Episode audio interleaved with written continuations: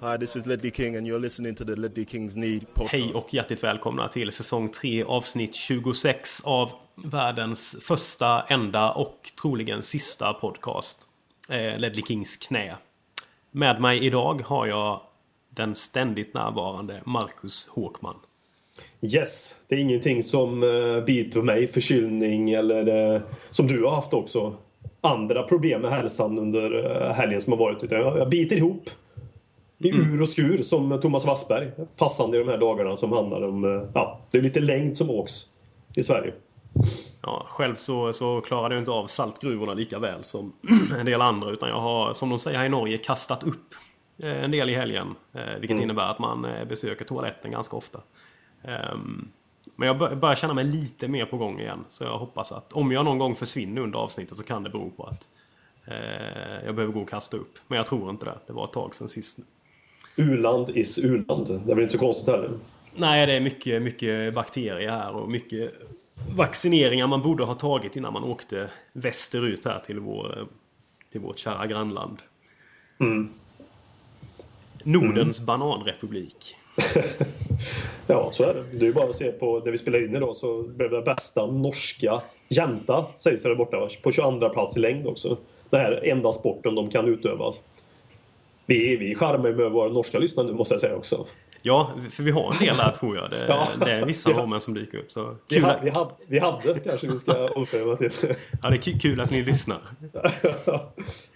um, idag så, så kommer det bli eh, mycket ligacupfinalfokus. Mm. Eh, men vi ska försöka få in lite annat också. Har du förresten eh, hört att Tingsryds AIF, de är ju, lottades ju i playoffen här nu i, upp till Hockeyallsvenskan. De ska ju möta Kristianstad nu i, playoff och sen så kan det bli Troja eller Östersund sen kanske. Mycket spännande. Det är ju, Troja är ju ändå ett klassiskt lag. Tingsryd också är väl ett, är väl ett klassiskt uh, allsvenskt lag. Eller division 1 södra. Som det heter förr när de spelar kanske. Ja, ja du, men om, om Troja Tingsryd är ju Smålandsderby där nere. Så du kan ju inte lyfta Troja om du sitter här med mig och sen så Nej, inte lyfta Taif. Nej men jag sa ju att Tingsryd också är klassiskt. Ja, det är bäst.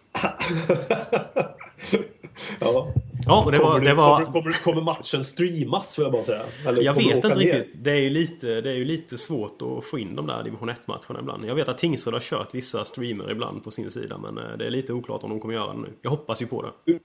U-land is u-land igen kanske? Internetuppkopplingen du sitter i där kanske inte är den absolut bästa. Ja, jag trodde du svingade mot Tingsryd här igen så jag var beredd nej, nej. att säga att eh, tack det var allt för den här veckan av Ledley Kings knä. jag svingar aldrig mot Tingsryd. Dags att hämta hem nu ännu en gång Fion. Du vet ju hur det slutar varje gång. Vinner vänder om. Det spelar väl ingen roll. Du håller ditt finger långt. För alla minnen vi fått är bara minnen blott. Det här är ingen plågrej som rent spontant blir omtalat på något omslag av Heidi Montage eller Svensk Trap är nog den endaste svenska Epsin som har en känsla för rap som Hej! Släng upp en hand om du känner vad som sägs. Nu en podcast kommer yo. Way! Så ge mig femma mannen och bara tryck på play. Hej!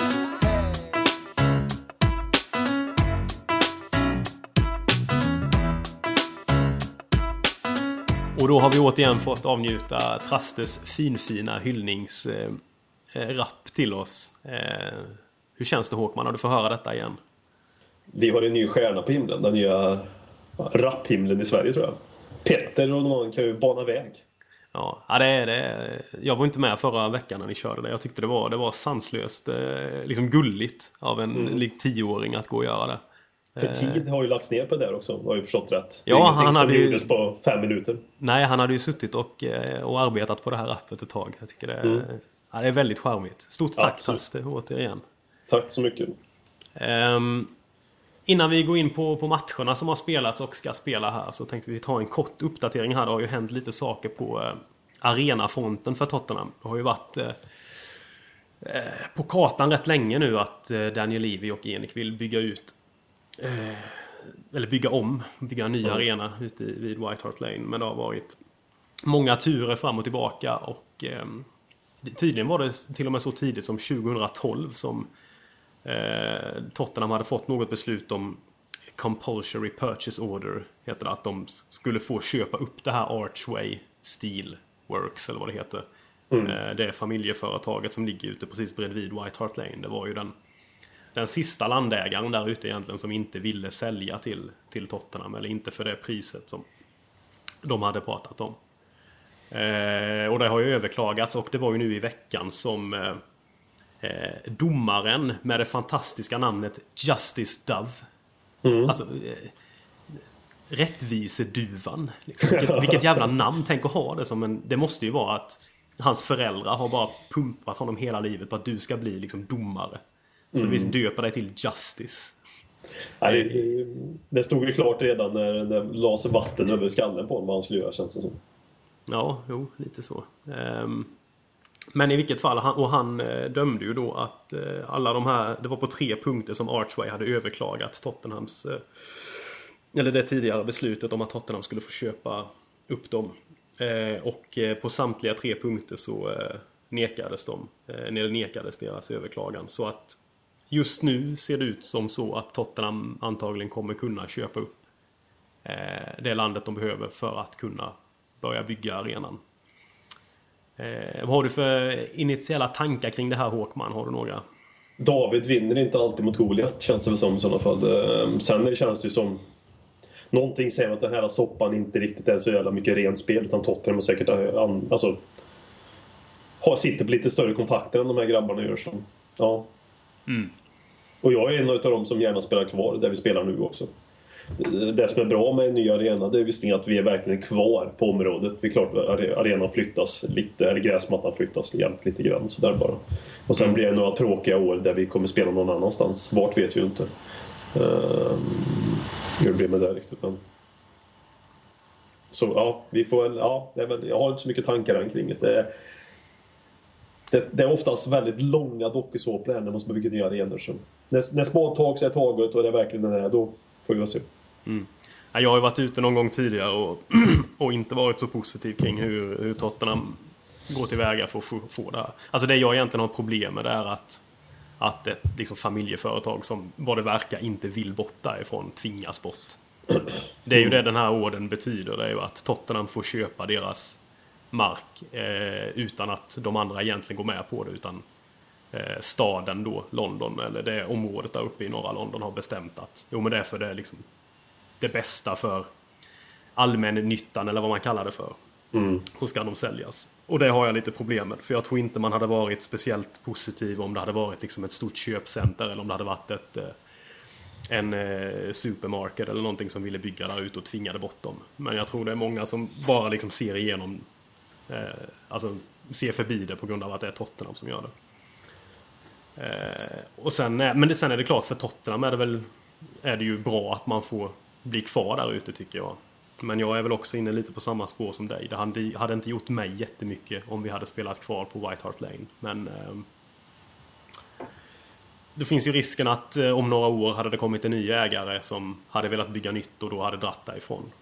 Så det, det är klart, det finns ju flera sidor av myntet. Men just gällande uppköpandet av det och hur Archway har kommit ur det här med en halvt nedbrunnen halvt nedbrunna lokaler och antagligen en hel del materiella förluster där. Det känns, jag tycker det känns lite smutsigt. Det blir liksom lite, lite eh, lite ovärdig start på den nya arenan kan jag tycka.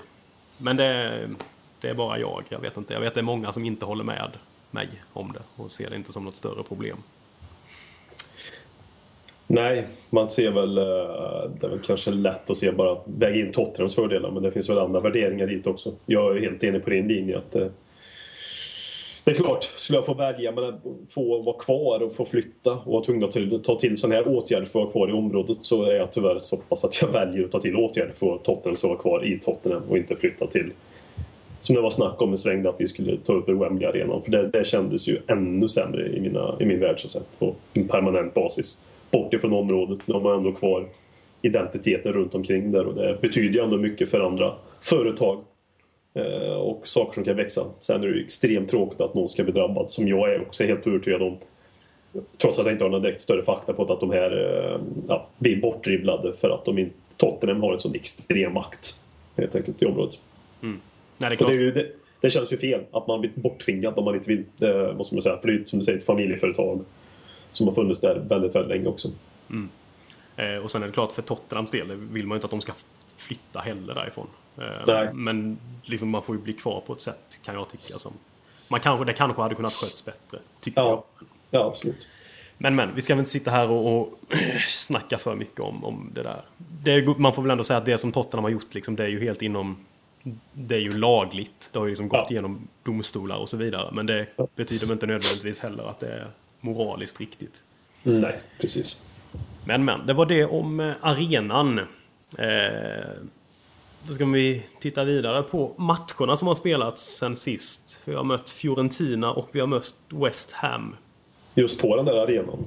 på den där arenan. Högst oklart om några ifrån Archway har varit och tittat på matcherna. Nej, För de är ju tydligen Tottenham-supportrar också, flera av dem sägs det i alla fall. var Tottenham supporter. Ja, jag vet inte om de har konverterat till något annat nu kanske. Nej. Ehm, två stycken oavgjorda matcher. Ja. Eh, såg du Fiorentina? Yes. Eh, väldigt lovande start på den matchen får man väl ändå lov att säga. Mm, det tycker jag. Det, det är matchen jag tycker ändå. Vi till den starten borde vi haft en betryggande eh, ledning i halvtid.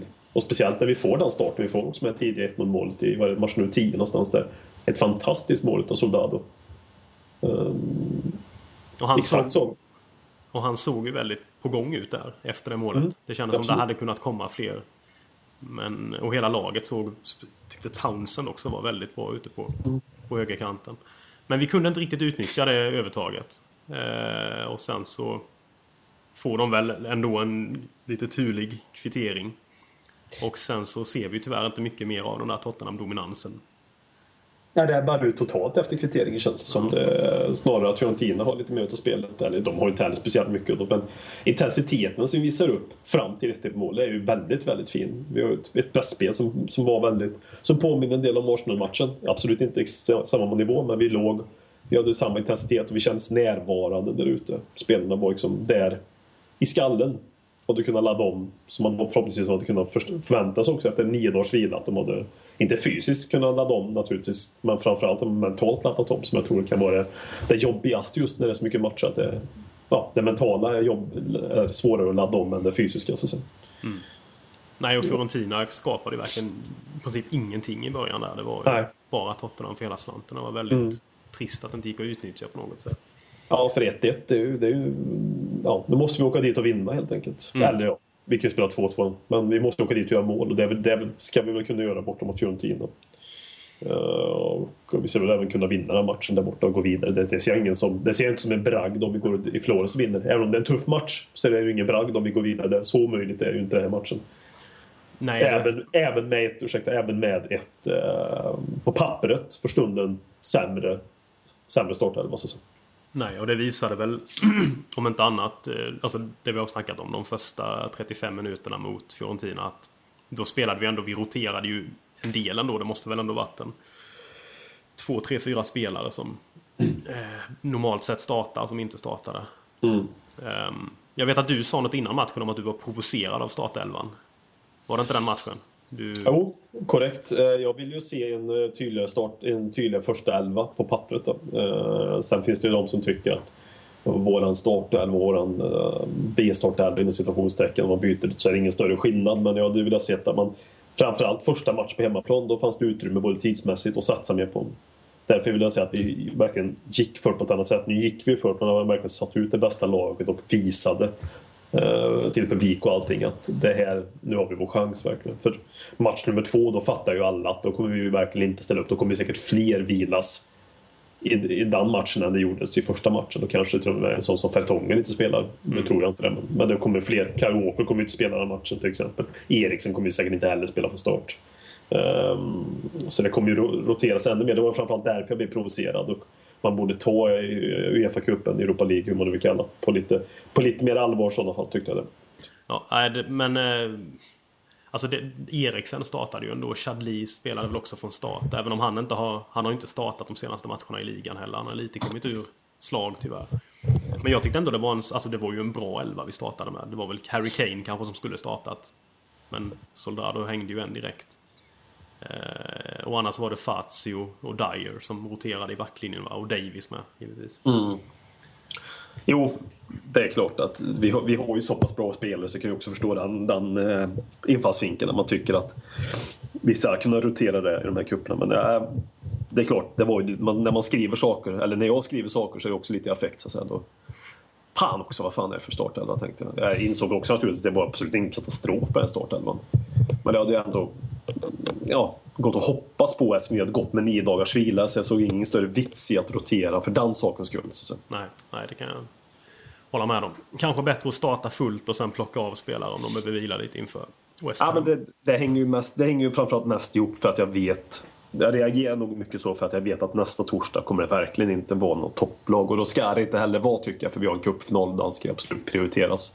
Och eftersom det är en bortamatch också, och vi spelar hemma andra matchen. Då är det kanske lite annorlunda ut, för jag tror att det är ju själva resandet som tar på energin. Så jag tror hur många som möjligt. Vissa nyckelspelare kommer ju stanna hemma här på... Kommer inte få följa med till Florens. Jag Nej. tror inte, som sagt, återigen då. Skivan åker upp sig eller inte, men jag tror inte Eriksen kommer fram med till exempel ner till Florens. Så jag tycker inte heller han ska göra det. Så att säga. jag tycker han ska vara hemma och, och ladda. Nej, och sen eh, en sak från den här Fiorentina-matchen också. Det är att... Är det något... Det vi vet är flera som har skrivit om det. Att Pochettino kan ha lite problem ibland med att ändra matchbilden när han fastnar rent. Alltså när han blir taktiskt utmanad av motståndarmanagern. Var det något du reflekterade över på den här matchen?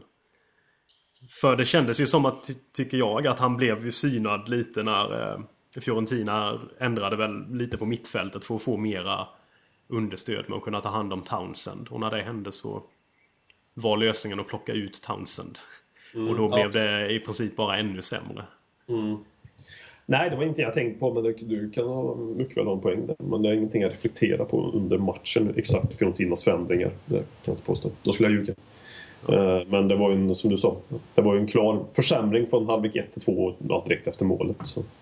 Visst, någonting gjorde väl Montella, eh, flygplanet, a.k.a. Eh, ändring där i, i Fiorentina. För de, de satsar ju verkligen på den här cupen också, jag har förstått det rätt, Fiorentina.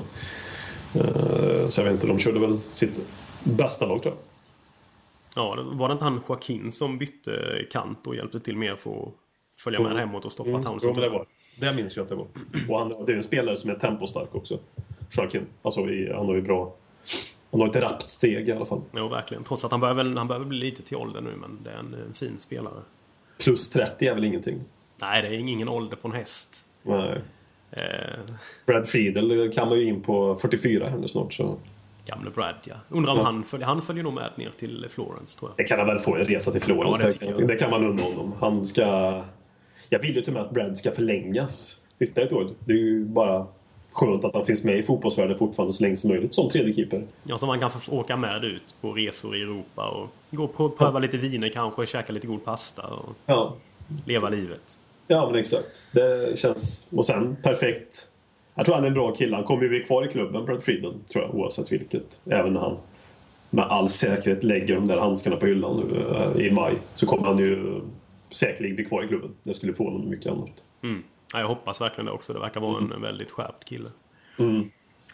Ehm, men bara för att gå tillbaka till det här om att eh, om Pochettino och matchcoachandet lite. Har, Mm. har du några tankar på honom när det gäller det? Är det en svaghet hos honom eller är det något han är? eh, Jag har, snarare, ja, jag har snarare tänkt tvärtom. Jag tycker han har varit bra matchcoach. Jag tycker han har varit duktig för, faktiskt på att förändra. Nu kan det ha varit annorlunda mot Fiorentina, men min, liksom min, min bild då nu, över en hel säsong so far, det är att han har varit duktig på att göra de bra bytena och kunna stegra upp i matcherna. Eh, men det kanske ofta har att göra när, när, vi, när vi... Det kanske finns två olika lägen där. Jag tänker nu i ett perspektiv att vi börjar lite sämre. Och då är han, då är han liksom eh, kapabel, tycker jag, han har varit många gånger till att ta in rätta spelarna i, i andra halvlek och kunna då förändra matchbilden lite grann. Det kanske blir lite annorlunda när han blir dragen om vi börjar bra och blir dragen att han har svårt att växla upp ytterligare en gång då. Eh, Förstår du hur jag menar här? Jo, Um, Har du, jag vet inte om det. För jag tycker att han har varit bra på att förändra matchbilden. I alla fall utifrån att vi har haft det då, att vi har varit dåligt, sämre så att säga. Nej, för jag vet, det var väl någon av sakerna som eh, man bland annat läste om också från Southampton-håll när han kom till oss. Att det var en av sakerna de var lite besvikna på där. Det var att det fanns en plan A, men när den misslyckades så eh, saknades en plan B. Ehm, men sen blir det, det blir lite... vi har ju plockat otroligt mycket poäng från underläge. Vi är ju bäst i ligan på det. Eh, men sen är ju frågan, är det mycket, har det mycket att göra med liksom de taktiska dispositioneringarna som han gör, eller de taktiska ändringarna han gör i matchen? Eller är det bara en ren motivation och liksom, konditionsfråga? Är det att vi orkar längre än de andra som gör det? Ehm, för jag har väl också egentligen, jag har väl inte tänkt speciellt negativt på hans förmåga att, att agera taktiskt under matcherna. Eh, inte alls på den nivån som det man hörde om innan, som man kanske fruktade för. Jag är väl inne lite på, som på dig med, att han då och då har varit ganska bra på det. Ehm, men det kan ju vara som du säger också, att det går bra så länge han inte blir utmanad med det. Att när den andra managern flyttar på sina pjäser, då har han kanske lite svårt att syna de dragen ibland. Mm. Jag vet inte. Verkligen. Nej, det, så jag försöker bara tänka på det nu. Jag har inte riktigt tänkt de banorna, men... Uh, nej, men det kan ju... Jag, för tal om det vi gör mål så, så sent, det tror jag hänger ihop, kanske inte så jättemycket med, med taktik faktiskt. Jag tror jag hänger ihop med att han byggt upp en jävla anda i laget och en tro på det. Mm. Och tror man på någonting då, alltså, nu tror de, de, de tror ju på det hela tiden när det är fem minuter kvar. Jag är helt övertygad att de tror på det när det står 2-0. Att de fortfarande kan vända. Det blir ju jättetydligt när 2-1 kommer, men det blir ju alla matcher. Då sjunker laget ner ännu mer och blir stressad. Eh, men så jag tror framförallt att det hänger på tro. när har byggt upp en bra lag, alltså en bra, en bra grupp nu så att säga. Och att eh, konditionen måste ju spela in. Jag kan inte se på något annat. För det är ingen slump. För vi har gjort det så extremt många gånger i år. Det är, eh, vi är ju United på vi är United-nivå på det. Som man minns med när Ferguson var där, hur många gånger de avgjorde på slutet eller hämtade in på slutet. Det är... Nej, och sen så äh, återupphämtningar eller att komma igen i 85-90 minuten. Det kanske är ofta hänger just på motivation och att man bara behöver framåt, framåt och tro på det snarare än att någon klockren taktisk äh, förändring. Ja, det, det, det, är ett tecken på vinnarkultur också faktiskt. Att du, att du har vinnarpersonligheter i laget. Uh, som, ja, de har det, de har det psyket som, som man inte kan träna sig till hur, hur som helst tror jag i alla fall. Nej. Det är klart det kan, det kan växa en vinnarkultur i en grupp. Det kan, det kan smitta av sig. Från spelare till spelare, det tror jag mycket mer på. Men, och det känns som att det är framförallt det vi har skaffat oss. Trots mm. att vi ligger sjua i ligan nu så känns det som att vi har en vinnarkultur i spelarna. Att de har en tro på sig själva. De har en Arnold Schwarzenegger-tro på sig själva nu. Jag skulle precis säga att vi har en liten så Clint Dempsey-inställning. Ja, Kanske ja, allihopa. För det var något ja. jag minns från när han var i Spurs. Att han hade en jävla attityd också. Han kunde ja. vara väldigt dålig, liksom rent tekniskt sett i matcherna. Men han gav aldrig upp. Väldigt sådär nästan stereotyp typiskt amerikansk Never Say Die. Liksom. Ja, precis. Den har vi framhäva i filmer i alla fall och American Nice. uh, men, ja, men så är det väl också visst. Framförallt när Clint Ems gjorde det 1 målet på ett, på ett uh, snöblaskigt White Hart Lane i 92, lerig och jävlig. Det, det, liksom, det är så passande att just han fick göra det målet med den inställningen på det. Ja. På något sätt känns det som. Ja, det... Under, de, under de väderleksförhållandena som rådde då också. Så blev det bara crème de la crème. Ja, det var väldigt vackert. Eh, nu har vi spårat iväg här lite kanske och snackat om helt andra saker det vi skulle. Men eh, intressant oavsett också att vårt så unga lag redan verkar ha den här inställningen. Det bådar ju bara gott inför framtiden. Mm. Att det redan finns på plats liksom. Det kan ju gärna det, helst bara bli bättre. Det, ja, men det är det jag tror också, nu fortsätter vi lite till här, men jag tror vi, att man börjar få lite kulturbärare som sätter standarden jag tror jag gör väldigt mycket att du får det. Även om kulturbärarna inte nödvändigtvis behöver vara från Tottenham sedan åtta års ålder. Det, det behöver de inte vara, men det känns som att vi börjar få ett kulturbärare i laget. Eh, det är ju det återigen jag tror United eh, gjorde så jävla bra för de hade eh, Roy Keane, Scholes som är de fantastiska fotbollsspelare, ingenting att säga om det. Men de hade också psyket där uppe. Och nu gör jag ingen jämförelse med att Tottenham ligger på den nivån på något sätt. Men vi har ändå lite det i oss så att säga. Fast på en mycket lägre nivå, men vi har ändå det i oss. Det påminner lite. Det finns ett embryo där som kan växa till något riktigt fint kanske. Det känns så. Känns så. Så från den här fullt rimliga övergången från Fiorentina till eh, Pochettinos matchcoachande till Clint Dempsey. Så går vi vidare mm. då till eh, den andra matchen, 2-2 hemma mot West Ham. Mm. En match där vi knappast spelade så fint som vi gjorde mot Fiorentina inledningsvis. Eller någon gång under hela matchen egentligen. Jag tyckte vi började ganska bra. Om man minns rätt. Uh, kanske tycker olika. Jag tyckte första kvarten, 20, var ändå helt okej okay i West Ham-matchen. Uh, sen så var det ju West Ham show utöver det. Mm. Jo, helt okej okay var det väl, men det var ju inte Fiorentina-nivå på det. Direkt. Nej, nej, nej, nej. Nej men alltså vi blir ju väldigt, vi har ju, alltså det är ju det här, vi blir, kan ju bli så jävla statiska fortfarande än idag. Det är lite det här som jag tyckte vi blev för mycket under AVB när det blir för statiskt och det, det finns inget tempo, inga offensiva löpningar, det, man passar inte bollen mm, alltså, äh, ifrån någon så att, säga, att de ska löpa mot bollen utan det, är, det blir lite handbollsspel och då, då, blir det svårt att komma igenom också, försvaren. Mm. Äh, vi, vi, är så beroende av tempo känns det som och när vi blir temposvaga blir vi generalusla. Det var en fruktansvärt dålig match utav oss. Jag tyckte flera stycken var ganska dåliga. Jag tyckte, uh, som jag tyckte den här matchen var det ett par. Mason gjorde nog kanske sin sämsta Premier League-match. Det är kanske svårt att radera upp alla andra, men det var en av hans sämre i alla fall tyckte jag. Mm. Ryan Mason. Uh, han har ju alltid hjärtat här, men det var väldigt dåligt passningsspel. Lamela tyckte jag inte, det vågar jag säga nu när inte BM var med. Lamela tyckte jag inte heller var speciellt bra den här matchen. Han vill så jävla mycket Lamela, det syns ju. Han vill så otroligt mycket. Men det är nästan som att det går för fort för honom ibland. Sen finns det eh, statistik på passningsprocent och sånt där som han fått upp genom vår lilla chatt som vi har där som vi har profilerat för. Men, men spontana intrycket av att han inte heller var bra. Det var, de här två var inte ensamma om det men... Eh. Nej, mm. definitivt inte. Mason brukar ju bidra med något som det du var inne på, någon som löper för de andra också. Mm. Ger lite, alltså han bjuder in till att få passningar i djupet eller framför sig och passningar man kan springa på för att få upp tempot lite. Jag, var inne, jag har varit inne och snackat på den en gång tidigare också att det, det han bidrar med utan bollen vid fötterna är väldigt viktigt tror jag. För, för tempot i Spurs. Mm. En annan som då och då gör det också är ju Townsend när han spelar men han, han var inte alls på samma nivå som mot Fiorentina mot West Ham. Nej, och nu ringer det i min telefon här. Som ni kanske hör, det är Beastie Boys. Så jag, må... ja, jag måste bara ta snabbt. Vänta lite.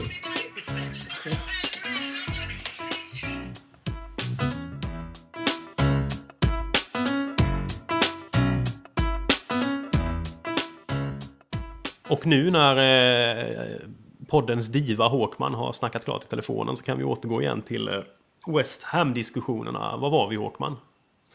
Ingen aning. Vart vi var, men så riktigt ärlig. Jag blev, eh, jag ber om ursäkt att den himlen. Men vi fick i alla fall med lite bra musik. Det är väl, lite Beastie Boys eh, får vi alltid välkomna in i podden. Ja, så, så, ska det vara, så ska det vara. Jag tror jag snackade något om Townsend, att han inte var Exakt. lika bra mot West Ham som mot Fiorentina. Och det var inte många som var speciellt bra i den matchen. Nej. Ehm, Lamela var du inne på också. Kändes väldigt vilsen ute på vänsterkanten. Jag mm. tyckte det blev lite bättre för honom när han fick komma över till högerkanten. Men mm. jag vet, vi har fått en hel del frågor om det. Jag vet inte, ska vi ta det när vi ändå... Jag hade åtminstone två eller tre stycken som har frågat om Lamela. Ehm, jag tror vår, vad heter han, Faris som brukar lyssna och brukar ställa frågor till oss. Den ehm, ständigt aktiv på Twitter och Facebook. Han ehm, undrade om det var någon annan som var trött på Lamela. Vad har du att säga om, om det? Ja, i den här matchen så var det definitivt. För det, det, alltså, det blir så frustrerande som man sa igen utifrån hur jag ser den här matchen och lite grann ibland också. Det, det, han, alltså, det går ju aldrig att kritisera hans inställning till matcherna. Han har ju en inställning som är helt beundransvärd. Mm. Uh, men det känns också som nu ska man, nu, det är ju inte, handlar ju inte om att kritisera hans inställning men det känns som hans inställning också att han löper så mycket kanske hämmar honom ifrån det han verkligen är bäst på. Att det blir lite, han blir inte den spelaren för att få ut maximalt av en Erik Lamela. Förstår du vad jag menar? Jo, jag är med på vad du menar. Jag vet för någon vecka sedan satt jag och hyllade honom för just hans arbetsinsats mot, mot Liverpool tyckte jag han var ja, ja. väldigt bra. Eller han, han spelade, han, han, fyllde en roll där som vi behövde. Som behövde ja. fyllas. Men eh, i matcher hemma, liksom när vi ska, när vi ska föra matcherna. Eh, så tycker jag det oftast bara blir att det går ner i tempo. När han får bollen. Och han är han tappar ju bollen så jävla ofta med. Alltså det känns som att han glider, han glider inåt i banan och ska utmana. Och sen är det som att han inte riktigt vet vad han ska göra. Alltså han bara fortsätter springa tills han springer in i en motståndare. Jag vet inte, är det bara jag som sitter... Jag kanske lägger märke till de eh, incidenterna mer bara för att jag tänker på dem hela tiden. Eller är det så? Att han gör det väldigt ofta? Det är min upplevelse också att han gjort väldigt ofta. Det känns lite fel nu om, man, om det tolkas som man sitter och kritiserar Lamela för hans kämpainsats. Det handlar absolut inte om att man kritiserar honom, tror jag, någon av oss för hans kämpainsats. Det är ju liksom beundransvärt att se den hjärtan och inställningen har. Inget snack om det. Men man vet ju hans, Hanses, eller vet man, jag utgår ju från Hanses liksom, största egenskaper är inte det utan han, vi skulle få ut mer av honom om man skulle skräddarsy lite grann. Men jag tror kruxet är att vi har en Eriksen och vi har en Lamela. Jag tror Lamela skulle må mycket bättre om inte Eriksen fanns. Men nu är Eriksen så pass mycket... Han är bättre än honom. Så det, det är inte så att han ska ta hans plats. Men jag tror att det blir... Det är mer det som är hans fall på det där tremanna mittfältet bakom Hurricane. Så att säga. Mm. Som Håkan Hellström tydligen gjort en låt till. Enligt engelsk media. Ja, jo, givetvis är det så. ja. Den kom väl ut nu i år, eller när det var? Ja, precis. Inte alls för två, tre år sedan. Och inte handlar inte alls om någon barndomskompis eller någonting. Nej. Inte alls, inte alls. Naivt lite av England som verkligen tror att den där låten är skriven till Harry Kane. Ja, det var väl ja, England. Ja. Ehm, nej, men Lamela, jag tror också han skulle möjligen må bättre av att spela i en mer central position med. Men det är ju som du säger, där inne har vi ju en annan herre som, som måste få figurera. Ja. Och vad tyckte du om det då, att Eriksen inte startade matchen mot West Ham? Eh, jag kan förstå det när han startade och spelade hela matchen mot Fiorentina. Jag såg inga konstigheter i det där på förhand. Sen var det tydligt att det märktes att han vi saknar honom verkligen. Eh, Eriksen kan också vara en spelare som jag under matchbilden kan känna att han, jag skulle vilja se mer utav honom. Eh, sen är det ju svårt att kritisera honom när han gör sådana betydliga avgörande moment i slutet på matcherna. Han är ju verkligen en matchvinnare fullt ut. Eh, eh, och sen tyckte jag att spelet inte blev mark markant bättre när han kom in men ändå känns det som att det blev en höjning ändå på spelet när Eriksen kom in. Vi fick en lite annan dimension eh, när vi kom in med Eriksen i laget. Eh, Så, nej, men jag förstår ändå den. På, på, ja, tyckte inte det var konstigt sett att han spelade hela matchen. Nej, det var väl första, första Premier League-matchen på hela säsongen som Eriksen inte har startat också. Ja. Tror jag. Mm. Ehm, Vad kände du till det då? Får... nej, alltså det är väl samma som dig egentligen. När jag såg det tänkte jag väl att ja, det kanske han behöver. Liksom. Han Mm. behöver kanske vila. Ehm, Men sen märktes det väl att ja, det funkade inte alls i första halvlek. Liksom, så att någonting var tvunget att hända. Ehm, Bytet känns ju väldigt väntat sådär. Tyckte Mm. jag redan att det skulle hända faktiskt i halvtid. Sen vem man skulle ta ut exakt, det, det kanske inte var helt glasklart men det, det förvånar mig inte. Nej. Eh, men sen kan det vara, nu när vi har varit inne och ändå lite, inte svingat, men problematiserat kring Lamela lite så det kan ju vara som du säger där med att Eriksen då och då kan jag med tycka syns inte speciellt mycket i vissa matcher, men det är klart, avgör du dem sen i slutet så kommer du undan med det. Det finns ju andra sätt han kan bidra på också och han har ju andra kvaliteter som vi kanske måste lära oss att utnyttja bättre eller få in honom mer i spelet. Jag tycker det brukar se bättre ut när Eriksen får eh, utgå från lite mer centralt. Det fick han Ja. ju förvisso i den här matchen nu med väl, men det, han blev väl omflyttad lite med sen när Soldado kom in och då skulle Kane bak lite och det var lite oklart exakt hur vi spelade Ja. då.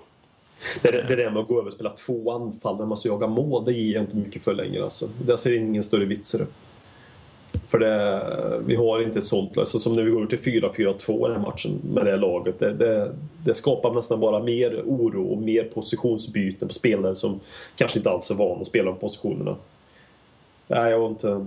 Nej, för där hamnade ju Eriksen lite ut, alltså ut från vänsterkanten och skulle gå in. Och sen höll väl i och för sig Rose ganska bra bredd i vilket fall, men ja, det blev lite rörigt. Det tog ju ett tag innan man ens fattade att Soldado var inne på plan också. Ah, Han dök upp inne i straffområdet där han ska vara och drog på ett rätt bra skott. Någon gång i, i ja, framåt slutet där av andra halvlek. Men förutom det så märkte jag knappt att han var inne. Han med under match den här matchen, inte för att vi ska prata om det kanske, men jag tycker Danny Rose gör en ganska bra match. I offensiven framförallt märks han. Det är väl vår, vår offensivt bästa spelare i den här matchen. Som jag upplevde. Inte bara för att han gör målet, men... Nej, han var väl en också. av dem som även i första halvlek faktiskt eh, Ja, eh, höll uppe nivån lite. Mm. Ehm, han har ju fått lite kritik, Rose, också för hans agerande vid deras 2-0 mål. Det var när han står och vinkar på offside och i princip slutar spela. och det, det, är det, ju, ja, det ska man ju aldrig göra. Det är ju Nej. klassiskt som, som många andra har gjort också. Som jag alltid har stört på. Nu gör jag inte det bara för att Danny Rose, utan... Man spelar tills domaren blåser så här för att dra en extremt uttjatad uh, klyscha. Men så är det ju faktiskt. Eh, Även när det är så att det faktiskt är offside. För det, det måste det ju vara på det målet. För eh, Ja, nu kommer jag inte ihåg vilken det är som är... Eh, vilken av West Hams anfallare det är som går upp för att nicka. Men eh, Mm. han, han är ju offside och han går upp för att nicka bollen. Och sen missar han den och den går vidare till en annan som inte är offside och han gör mål. Alltså det, han måste ju påverka spelet. Det måste ja, ja. vara offside. För det, det är om, boll, om spelaren är i bollbanan som jag fattar som. Det är inte alltid nödvändigtvis att spelaren måste börja röra bollen. Men det är om spelaren är i bollbanan som det ska blåsas offside. Även om man inte ska touchar till den. jo, jo. Alltså den är ju menad för honom och han går upp att Ja. nicka den och missar den. Ja, ja exakt. Så det, är inget snack om saken ens offside. Men jag tycker likt förbannat att man ska ändå alltid vara game on på något sätt. Så det, Jo, faktiskt. absolut. Absolut. Sen vill jag bara säga, vad tänkte du säga? Förlåt. Nej, kör du. Eh, Sam Allardyce, vad har vi på Sam Allardyce? Ska vi inte bara... Vi, vi pratade lite Sam Allardyce innan vi tryckte på räck. Ja. Och det var ju lite... eh, Ja. Vad var det vi sa? Det var det är Premier Leagues tränarkårs egen Fredrik, Fredrik Virtanen. ja. Och vad menar vi med det? Att han har en sanslöst konstig självbild. Han eh, sätter sig själv något oerhört högt upp alltså. Mm. Han rankar väl sig själv högre än liksom Mourinho och ja, vad alla andra tränare i världen verkar det som. Han är liksom crème de la crème. Ja, han, han ju, själv. alltså jag har ju aldrig sett det. Jag har alltid varit ganska självgod. Jag har haft en upplevelse av att han var Sam Allardyce. Eh, med ganska gott självförtroende. Men nu när han ändå... Det får man väl ändå ge att han ändå lyckas förvandla om West Ham lite grann till ett annat fotbollsspel som jag absolut inte trodde han var kapabel till. Så här, det här har ju verkligen stigit honom åt huvudet. Eh, och höjden utav hans hybris det var väl när, eh, det borde jag ju kunna namnet på, när han får en rejäl tungkyss av den här skå- brittiska skådespelaren. Som de eh, vevar runt på BBC mycket när de blir intervjuade efter en match när de vinner mot, tror de vinner mot City, är de vinner mot. Så kommer det en skådespelare och kysser honom rejält. Jag vet inte om du kan Ja, är, är upp något. det Russell Brand? Eh, Exakt, sådär ja. På tal om andra inte. människor med trasig självbild. Ja, precis. Ja, de, de, de sy- synkar väl bra ihop där. Eh, nej, men det... Nej, det, är nästan, det, det blir nästan lite humoristiskt tycker jag det här med, med Sam Allardyce och företagen om hans egna självbild under, under säsongen. Och den bara har ju ökat med West Hams... Eh, så man blev lite eh, gullad gullade i media för att de har lyckats växla om och att folk är lite överraskade. Men han, han, kan inte ta, han kan inte ta framgång på ett, på ett ödmjukt sätt. Den gamle 60-årige Sam Allardyce. Nej, man kanske kan vara... Alltså, att, att ens lag har lyckats slå tio passningar på marken till varandra. Det kanske behövs lite mer än så för att man helt ska tappa det. Ja, Och um, anser sig vara Guds gåva till fotbollscoachningen. Han var ju väldigt uh, arg. Ja, så är det. Det är så han ser sig. Absolut. Och efter matchen så var han ju väldigt, väldigt upprörd på domaren och på Tottenham här som tydligen filmar till sig straffar och, eh, ja. och allt. Eh, jag tyckte den straffen var ändå rätt rimlig att ge. Det är ju inte så Ja, att så- Song är jättesmidig. Nej, alltså jag tycker också det. Jag läste Twitter sen efteråt att det var flera stycken, eller flera, några stycken som, som jag vet är Tottenham-supportrar. Alltså, man behöver inte tycka att det är en straff bara för att man är Tottenham-supporter. Man tyckte absolut att det var en, av de billigaste straffarna eh, man sett på bra länge. Det tycker jag absolut inte att det är. Det är klart det är ingen superklar straff, men jag tyckte inte det var förvånande att han blåste straff där och då. Nej, Och nej. tycker fortfarande inte att det är förvånande att han blåser straff där och då. Så, så, um, nej, jag tycker nog att det är straff. nej och Det är, väldigt, det är ju framförallt äh, sång som är klumpig, ursäkta. Det är ju framförallt sång som är väldigt, väldigt klumpig där som du var inne på. Och Allardyce var ute efter matchen och menade också att domaren borde ha blåst av när Adriano räddade straffen. För detta vi höll på, detta, ja men det, på allvar. Han tyckte det, för det vi höll på med nu var någon slags sån här NFL-tidtagning. Att Ja. vi pausar hela tiden. Eh, jag skulle vilja se det själv om West Ham hade fått en straff. Vi säger att ställningen hade varit 2-2. De hade fått en straff i sista minuten och missat den och returen hade gått rakt ut i deras straffläggare. Om Allardyce då hade tyckt att det var bra att du blåste av domaren. Ja, det hade varit beundransvärt på alla sätt. Jag hoppas vi får vara med om en liknande situation och se vad han säger då. Sam Allardyce. Ja, eh, det var ju underbart med efter matchen här. Har du sett det att Bentaleb var ute och sa till Allardyce att eh, eh, Sometimes you just need to shut your mouth. Nej, det har jag missat. Ja, nej, Bentaleb var ute och sa det att eh, han tyckte att Allardyce inte skulle klaga på domaren och att det är så det är i fotboll liksom. Och ibland får man bara hålla käften och bita ihop. Ehm, och han menade också det att om Allardyce klagade på de här besluten så skulle Spurs kunna klaga på att eh, Nolan borde varit utvisad och att deras andra mål var offside. Mm. Vilket Exakt. Men det, en men det, älska Bentaleb ännu mer. Han känns så jävla mogen människan. Han är ju, vad är han, 21 år eller någonting. Han för sig som om han vore 30 och... Eh, känns som det finns mycket ledare i... Mycket ledaregenskaper i eh, Bentaleb. ja, vi har en fin framtid med honom där på innermittfältet tror jag. Bentaleb och någon mer. Eller Bentaleb och Mason också. Men, men alltså, Bentaleb känns ju verkligen den som det är en eh, vi kan bygga på under lång, lång tid framöver. Ja, han växer på många plan. Speciellt Mm. när han säger till Allardyce att eh, täppa till truten. 20-åringen går ut och läxar upp 60-åringen. Och, han, och 20-åringen har alldeles rätt också för den delen. Det är inte bara för Tottenham utan han har ju, det är han som sitter på facit där tycker jag. Det är Bentaleb som har koll. Mm. Nu är frågan här om vi eh, i, det, i denna ligacup, detta ligacupfinalsavsnitt ska gå vidare och börja prata lite ligacupen kanske. Vi, vi sa väl innan att vi snabbt dammar av Fiorentina och West Ham. Vad är vi, vad är vi inne på? Nu är vi inne 30 på eh, 40 minuter faktiskt. vi hoppas att det är några som fortfarande lyssnar och har tyckt att det är någonting vi har sagt har varit intressant i alla fall. Ja. Ja, det är lite så ibland när du och jag får sitta. Ja, Det, men- det glider lätt iväg Ja. på alla möjliga Ja. saker och ting. Men har vi dammat av de här första delen? Jag tror vi har gjort det va? Ja. Nu är det dags, ja det är ju snart halvtid här. Ja. Eh, Så vi tar väl och dricker lite vatten och ut och laddar om batterierna så kommer vi snart ut för andra halvan av detta avsnittet.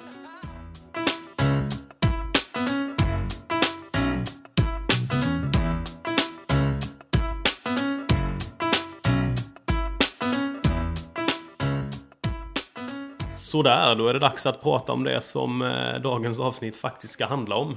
Nämligen ligacupfinalen på Wembley nu på söndag. Hur har vägen dit sett ut Håkman? Den har väl varit på papper har vi haft en ganska skonsam lottning. Eh, vi kliver ju in i eh, runda tre som det heter, omgång tre. Alltså som vi var med i Europa så slapp vi den första rundan som Premier League-lagen kommer in i, alltså runda två.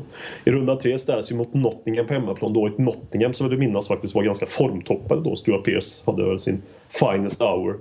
Nu är han ju även sparkade från den här klubben. Då, vi låg under med 1-0 i halvtid. Vi lyckas vända i andra halvlek och vinna med, med 3-1 då Ryan Mason gjorde sitt första mål i Tottenham. Och jag vet inte om det var hans första framträdande. Han har gjort någonting innan i, i, i tävlingssammanhang. Jag låter det vara osagt. Men sex minuter in i eh, andra halvlek så gör han ändå ett, en, eh, ett fint mål som jag vill minnas. En fin träff som satt i, i klykan för att prata Söderslang 1945. Eh, sen gjorde även Roberto Soldado och Harry Kane började väl sin resa där. På allvar, kanske. Eh, I, eh, I nästa runda, alltså den fjärde rundan, möter vi sydkustlaget Brighton Hove Albion. Eh, med en stabil 2-0-seger hade vi där, där målskyttarna var Erik Lamela och Harry Kane igen. Målen kom även då i andra halvlek. Eller även då, jo, även då i andra halvlek. I kvartsfinalen, som också har sagts att Pochettino tyckte att det var där och då de vann över Tottenham-publiken till laget. Att det blev en symbios mellan publiken på White Hart Lane och spelarna där ute, som han har sagt i efterhand. Då vinner vi med 4-0. Där också kan vi även säga att det var en målvakt som heter Jack Onwick som stod i mål kanske inte hade sin finest hour. Eh, Även hans bror har ju även stått i Tottenham, Onwick. Som inte hade heller någon direkt fantastisk i Tottenham, för knappt stå någonting heller. Ben- Ben, Onwick. Ja, exakt. Ja, precis. Eh, där gjorde även Bentaleb, den extremt mogna 20-åringen, gjorde det första målet. Eh, jag vill minnas att det var en rejäl tavla där. Jag vet inte riktigt. Det var en det? retur på hörnan när eh, Alnwick bara slog, jag tappade bollen i princip och Bentaleb lite halvt sådär karatesparkade in bollen nästan. Det var Ja. Ja, det var fint reflexmål. Sen är det Nasser Chadli som gör 2-0 i andra halvlek så rundas det av med återigen firma Kane Soldado. Det, de har gjort en del på vägen till Wembley. Eh, och för att vi, även för att liksom förtydliga att vi har haft lite flyt i lottningen på vägen hit med hemmamatcher rakt igenom som till, till att börja med där vi kan bli lottade så fick vi även möta Sheffield United i semifinalen som ligger närmast i minne förstås så vi slapp både Liverpool och Chelsea i dubbelmöte som vi var tacksamma för. Där vi har en eh, 2-2 hemma eh, som kanske inte riktigt... Eller vad säger jag? En 1-0-seger hemma, förlåt. Som Eriksen eh, avgör på och en 2-2 match borta på Bramall Lane. Där eh, extremt eh, fina väderförhållanden som gjorde segern ännu mer eh, fin på något sätt. Eller segern totalt som gjorde segern fin. Där Christian Eriksen gör ett fantastiskt frisparksmål, kanske hans snyggaste frisparksmål i klubben. Och sen ett eh, extremt kyligt avslut, ett 2-2. Och så var vi där i Wembley och firade på inneplan med Harry Kane och grabbarna. Det var väldigt vackert. Ja, jag såg det, den här sista bortamatchen mot Sheffield United nu. Det, scenerna efter när, eh, när Eriksen har gjort 2-2. Det finns, alltså de är så härliga. Mason kommer bara springande och springer in i... Jag vet inte om det är Eriksen eller om det är Eriksen eller om det är eh, Mason och Kane som springer in i varandra. Och de liksom halvt bara kastar runt varandra. De är bara helt euforiska liksom. Och Kane står efter matchen och bara alltså, typ fistpumpar med båda händerna bara, mot publiken. Ehm, helt underbara scener att titta på. Ehm, där kändes det med som att nu, nu finns det verkligen ett lag här och verkligen, verkligen älska eller som man verkligen kan ta till sig. Ja. Um, det är väldigt, väldigt fint. En ganska fin resa ändå, om, om än kanske, vad ska man säga, den är ju, vi har ju haft lite flyt med lottningen, men det, det får man ju ta. Det är ju lottning. Det är ju fri lottning och så är det, krävs ju också ibland att man har lite tur lottning. Hade man med Manchester City borta och gått vidare och sen åkt på eh, ett annat en drake på bortaplan. Det är ju klart att det blir svårare att ta sig vidare men det är ju en del i lottningen. Och ja, fan, det är bara att tacka och ta emot. Nu är vi i Wembley och det kan ingen ta ifrån oss oavsett vägen dit så att säga. Och jobbet måste ju göras oavsett vilket lag man möter. Så. Och det har vi gjort. Det är det cupspel går ut på. Survive helt enkelt. Och nu väntar då Chelsea. Eh, som vi ju har rätt fint minne från sist vi mötte. Fin Mm. 5-3-seger på hemmaplan. Mm. Ehm, vi kan ju plocka upp en, en, en grej där som, som har att göra med den här matchen. Vi har fått en fråga ifrån eh, Magnus Eriksson på Facebook. En fråga som jag tyckte var väldigt bra. Vad skulle du säga? Är det anfallaren i den eh, Malmö FF som gick till Kina? Är det den Magnus Det är, Eriksson? det är inte den här. Det är en annan är- Magnus Eriksson. Det Ja. finns tydligen flera. Finns det fler Som bär detta högst ja. ovanliga Ja, namn. Lite, lite förvånad faktiskt. Eh, han undrar om vi ska göra kaos av matchen eller ska vi försöka vara disciplinerade och parkera bussen? Min teori är att vi måste försöka göra kaos, precis som på White Hart Lane, då Chelsea känns svårslaget om matchen blir taktisk och låst. Jag tycker det är en väldigt intressant eh, Ja. spaning han har gjort där, Magnus. Att, eh, det är väl precis som han säger. Jag delar helt hans uppfattning om det, att vi kan nog inte Alltså vi kan inte riktigt slå Chelsea på att vara taktiskt smarta eller disciplinerade tror jag inte. Vi måste utnyttja det vi har som de kanske inte har och det är den här ungdomliga entusiasmen och att bara alltså, löpa på allt och bara köra, alltså, som han säger, göra kaos med hela matchen egentligen. Eh, det måste liksom svänga lite och eh, Chelsea måste liksom lite tappa fokusen och tappa eh, kontrollen på matchen om vi ska kunna ta detta. Eller vad säger du? Har vi, är vi fel ute, Magnus och jag? Nej, Magnus eh, Eriksson, a.k.a. för detta Malmö FF får man säga. Och du, nej, ni är helt rätt ute. Jag tror också det. Att det är det sättet man ska spela mot. Och det är framförallt inte bara för det är ju det sättet vi är bekväm, mest bekväma med att spela med. Och då tror jag också man ska gå in i en cupfinal och spela det man är mest bekväm med. Eh, skulle man liksom börja ändra och fokusera för mycket på motståndarna. Som jag tror inte heller vi har riktigt, riktigt, riktigt... Eh, eh, det är inte vår, vi får inte ut max av detta laget för att börja spela så. Så det är väl framförallt därför jag inte tycker det. Inte bara för... Ja. Vi får ut mest av när vi spelar på det här sättet. Och det är bara att titta nu när vi börjar, Det har ju börjat klicka den här typen av fotboll som är lite mer kaos-fotboll så att säga. Ehm, I de här där vi även mött bättre lag som Chelsea och de där andra grannarna. Eh, Där vi verkligen har totalt spelat ut dem faktiskt. Även om differensen bara varit två och ett mål så har vi faktiskt spelat ut dem som jag upplevde. Eh, Så med den typen av fotboll, med pressfotboll, hög press och en, jävla löp, löpkapacitet i laget. Så, ja, spela så helt enkelt. Mm. Nej, det känns som vi måste slå mot dem. Liksom bara. Bara gå på liksom på, Mm. på allt. För, liksom, Chelsea är så... Man ser, har sett en del eh, stormatcher när det blir... När Chelsea får matcherna dit de vill, då är det alltid att matchen blir väldigt låst. Tempot går ner. Och sen lyckas de kontra in det, eller de avgör på en fast situation. För de har sån jäkla disciplin och de är väldigt taktiskt skickliga i det laget. Ehm, och dit vill, vill vi inte få matchen. Och vi ser nog ta nytta utav våra spelare. kommer att vara så jävla uppumpade. Alla linstinna. De, de, alltså, Du kan ju tänka dig Harry Kane och Ryan Mason. Inte bara för att dra dem. Lamela också för den delen som han har spelat. Eh, stor. För jag utgår ifrån att han kommer att starta matchen faktiskt. Eh, framför Andrews Townsend någonstans. Eh, så vi ska ju dra nytta på den. På den eh, ja, på de typerna som har skapats under Pochettino också. Och det är ju där vi har, där vi har någonting som är bättre än Chelsea också. Ja, Det är ju den här entusiasmen och eh, Ja. Ungdomliga För det attityden. Mm. Det betyder ju mer för oss. Det här är ju liksom den här ligacupfinalen. Så pass älskar jag den. är- Äh, Chelsea-supporterna tror jag inte speciellt. Det är ju för att de möter Tottenham de vill vinna. De vill säkert vinna oavsett vilket. Men ligacupfinalen betyder så mycket, mycket mer för oss än det gör för dem. Eh, Det är jag ganska säker på. Men det kanske är fel att erkänna det. Men det, det är vad jag tror i alla fall. Så jag tror ju också att det här är ju...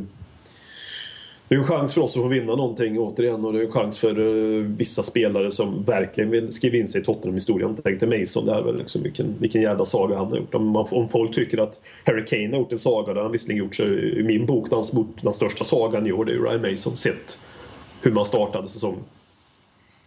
Ja, jo, absolut. Eh, Kane hade man väl ändå lite förhoppning om att han skulle växa och bli... Alltså det var mer förväntat att han skulle ta ytterligare något steg. Inte, inte så här många steg som han har tagit kanske. Nej, men nej, nej, att han skulle ta steg framåt. Att Mason ens skulle bli någon slags bänkspelare hade man ju knappt väntat sig. Nej, exakt. Men Kane, Kane kanske fanns förhoppning att han skulle bli en 10 plus målskytt. Nu Ja. är han ju en 10 plus men inte alltså 10-11 mål någonstans. Så de har tyckt att det, var, att det är en bra säsong till Harry Kane. Verkligen en bra säsong. Eh, Men Mason, som du var inne på. Han trodde han skulle få gå runt lite där på träningsanläggningen och må bra helt enkelt och få lite lugn. Sen trodde man att den där karriären skulle ligga, ligga någon annanstans i januari redan kanske. Swindon Town till exempel. Ja, det kan bli att han får gå ut och ta det lite lugnt på, på Wembley kanske. Är det han som är mest eh, som ligger bookmakermässigt till? Inte för att vi är så mycket för det, men eh, att få ett rött kort den här matchen. Ja, det är kanske inte helt osannolikt. Eh, Sist vi var på Wembley och mötte Chelsea så var det väl en Scott Parker som fick eh, ett rött kort va? Var det inte det? Känns det inte lite som att. Mason skulle kunna bli en liten, liten liksom nästan uppgradering på Scott Parker? Mm. Är det en felaktig spaning? Jag har funderat lite på det en tid. Att de två är inte jätteolika i, i spelstil. Det finns vissa likheter mellan dem i attityden och alltså löpviljan. Mm. Sen att Mason kanske är en lite bättre teknisk eh, lagd spelare än vad Scott Parker var. Mm, ja, jag vet inte. Kanske det. Jag vet inte. ja. Mm. De har ju attityden båda två. Jag tycker Parker kanske är lite bättre tekniskt lagd än vad Mason är faktiskt. Alltså, Mm. ja. Det är de, där, de där snurrfinterna kanske på, på mittplan. Ja, ja, precis. De där som gav så mycket framåt. De är tekniskt fulländade. Nej, men som, som Scott Parker var... Vi gör en avstickare här ifall det är någon som funderar. Vi brukar göra avstickare. Ifall Scott Parker, det kan ju vara i modern tid i alla fall. Nu man får dra modern tid. Alltså 2000-tal i alla fall. Nu är modern tid mycket längre tillbaka. Men sen 2000-talet är ju den... Ja, med Edgar Davids. De två bästa defensiva mittfältarna jag sett i Tottenham. Scott Parkers säsong där när vi var så nära att eventuellt ta en tredje plats. Han var ju fantastisk den säsongen, Scott Parker. Helt makalöst bra. Sen åkte han på en skada i ett halvår och sen blev han aldrig Scott Parker igen på det sättet. Det... Så jag, jag värderar nog Scott Parker lite högre fortfarande. Sen emotionellt vinner ju Ryan Mason över Scott Parker skriker om det. Ja. Nej, det är lite oklart om jag värderade Mason högre än Parker rent eh, kvalitetsmässigt än. Men jag tänker om kanske, kanske att han kan närma sig det med tiden. Ah, Vi får se. Jo, det får vi hoppas. Eh, annars då, vad tror vi om, om... Ska vi ta lite startelva här eller hur vi tror? Vi har väl redan varit inne på det lite. Fiorentina-matchen på torsdagen, sen den här finalen på söndagen. Det är väl inte så jätte otippat att finalen är ganska så prioriterad. Eh, hur eh, mycket tror du vi roterar i matchen borta mot Fiorentina? Mm. Jag tror Fertongen får spela. För han har ju typ spelat allting nu sista tiden, så han tror jag får spela. Bentaleb tycker jag borde vila, men jag vet inte. Bentaleb eller mig som kommer säkert få spela. Ehm, sen vet jag inte om det kommer vara så mycket mer. Kanske någon offensiv pjäs där på in, de tre offensiva positionerna som spelar. Jag tror det kommer vara en rockad på en åtta, sju, åtta spelare i alla fall tror jag. Emellan eh, torsdagen och söndagen. Och Så det exakt. mm, har vi varit inne på lite tidigare. Det är vi ganska överens om att det borde göras, eller? Mm, det, det tycker jag. Det är en cupfinal, det är alltid en cupfinal. Liksom. Det Ja. 90 minuter från en trofé, så absolut. Oavsett, jag vill ju jättegärna gå vidare i Uefa-cupen också. Det är inget snack om det. Men en cupfinal ska ju alltid prioriteras. Det vore väldigt konstigt annars. Ja, jag håller med där. Eh, en vad- sak som har varit uppe... Ja, vad skulle du säga? Nej, men kör. Eh, en sak som har varit uppe det är ju om kommer eh, form få stå i mål på Wembley. Vi eh, tänkte samma tanke där. Det var ju exakt det jag tänkte också säga. Jag tror det. Eh, Jag tycker inte han ska göra det. Absolut inte. Men eh, jag tror det är bestämt sedan innan säsongen att Form ska få stå i ligacupen. Och Går vi till final kommer han få stå ändå. Så jag är nästan 100% säker på att han får stå. Eh, Men jag tycker att det är fortfarande fel. Men sen kan jag ändå se en poäng med att om man har lovat någon. Men ja, Loris är så jävla bra så det känns ju korkat att inte spela Loris. För det är ändå en cupfinal. Och Worm borde ju inse det är ingen jävla... Det är ingen, det är ingen P7-fotboll man håller på med. Nej. Även om man har lovat så, att säga, så borde man förstå för det är ja, så bra som Loris är nu. Så, ja. Men vad tror du? Tror du som mig? Ja, jag tror också Form kommer spela. Ja. Ehm, han har ju stått alla matcher i ligacupen hittills. Och Mm. ehm, det känns lite som att Pochettino kan vara den typen av människa också. Som liksom, har han lovat någonting så, så håller han det. Mm. Eh, för det skulle ju kunna kännas lite tungt mot form. Även om jag tror att någonstans han skulle kunna förstå det. Om han hade petats. Så jag vet inte om, om Pochettino vill, vill göra det. Alltså att han, han vill svika det löftet som Nej, han då nej, kanske har gett honom. För det känns ju som det. Han har ju stått alla matcher där tidigare. Ja, jag kan ju inte tolka på annat sätt än luft för kvalitetsmässigt. Så. Du vill också hellre se Hugo? Ja, ja giv, alltså, det, givetvis. Man vill ju Ja. se honom i en final. Ehm, men jag, jag tror inte det kommer bli så. Jag tror det kommer bli form som står. Men om vi fortsätter, vi tror att form får stå även om vi inte vill ha form. Det är ju viktigt att, eh, viktigt att understryka. Om vi går till den här fyrbackslinjen, för det är ju den i en vi spelar med. Hur vill du ha det från höger till vänster? Och om du... Eh, och vad, hur vill du ha det och vad tror du om man säger så då? Mm. Eh, Walker kommer ju spela till höger, det är ju den enkla. Och Fatongen kommer ju spela till vänster i mittbacks... Eh, I mittbacksparet. Sen så är frågan om det blir eh, Dyer eller Fazio. Eh, jag tror jag vill ha Fazio. Men jag är inte helt hundra på varken om det blir det eller om det är vad jag egentligen vill. Men jag tror det är han jag vill ha där. Eh, sen så Danny Rose till, till vänster. Eh, Bentaleb. Ja, Bentaleb Mason. Eh, Eriksen. Vart har du Eriksson då? I mitten. Bakom Harry. Kane och sen så Lamela till höger. Och eh, Townsend till vänster. Skulle jag vilja ha. Jag är inte Mm. men- säker på om det kommer bli så. Eh, jag tror väl inte att han där sista kommer spela där. Nej, jag tror det kan bli Eriksson till vänster och Dembele på mitten också. Det skulle vara en helt okej eh, lösning också för min del. Mm. Jag tror, det- alltså Dembele kan... Är han... Har han sin dag så, så vill jag att han ska spela. Det är att man vet inte riktigt alltid hur Dembele kommer in i matcherna. Vi, vi minns ju i alla fall vad jag tyckte då när Mason fick gå ut skadad. Det var ju synd mot Chelsea men då var ju Dembélé väldigt bra på att sitta in i mittfältet med Bentaleb. Då gjorde de ju ett fantastiskt bra jobb där. Så det var lite blessing in disguise då faktiskt att Mason, inte man nu tycker är bra med skada, men jag tror att vi tjänar nästan på det den matchen. Det var min, min känsla där och då. Sen de här frågetecknen som, som, som du pratade om i backlinjen, där Fazio eller Dyer, det känns ju också som... De övriga tre känns ju ganska givna faktiskt, eh, om ingenting händer. Jag, tror, jag vill också faktiskt ha Fazio för att jag vill ha Fazio mot Costa helt enkelt. För jag tror Fazio kan psyka Costa lite grann. Om nu någon kan. Det är hela världen. Men de har haft sina duster tidigare så det är enbart på det. Han kan Costa lite bättre också. Eh, sen in fält vill jag ju se Mason, Bentaleb och där framme vill jag se, jag vill se Lamela på en högerkant. Eh, och jag vill se Eriksen i mitten och jag vill faktiskt se Chadli på vänster. Just för att det funkar bra sist mot Chelsea. Eh, någonstans. Jag vill se från start och så vill jag se naturligtvis Harry Kane på topp. Så det är, väl, det är väldigt mycket likt. Sen, sen är det ju där också att Chadli även kan bli petad mot det där benet där. Det, är- det är några positioner men till 9, 9 till 11 platser tycker jag känns rätt klara faktiskt. eh, På förhand. Det är Fazio, Dyer, Dembele, Chadli tror jag. Om man ska vara som det står mellan. Och då blir positionen på Eriksen annorlunda beroende på vem som spelar där. Ja. Nej, jag... Eh, om, om vi hade haft en Chadli i den formen han var i innan... Han, hans far gick ju bort. Och det var ju därför han var borta i några matcher. Och eh, därefter, han har ju tyvärr inte riktigt kommit tillbaka. Och det är väl förståeligt på alla sätt. Liksom, att han inte riktigt har hittat tillbaka till den formen han var i innan. Eh, Alltså jag hade jättegärna haft en Chadli, men jag tycker han har sett lite, lite, lite lost ut. Jag har inte riktigt känt igen honom i de senaste matcherna. Eh, och därför tänkte jag kanske att Townsend eller då Dembele in istället. Och man får flytta om lite i fronttrion. För jag tycker Dembele har varit i många matcher väldigt trygg att ha på mittfältet. Men även när han har spelat längre fram.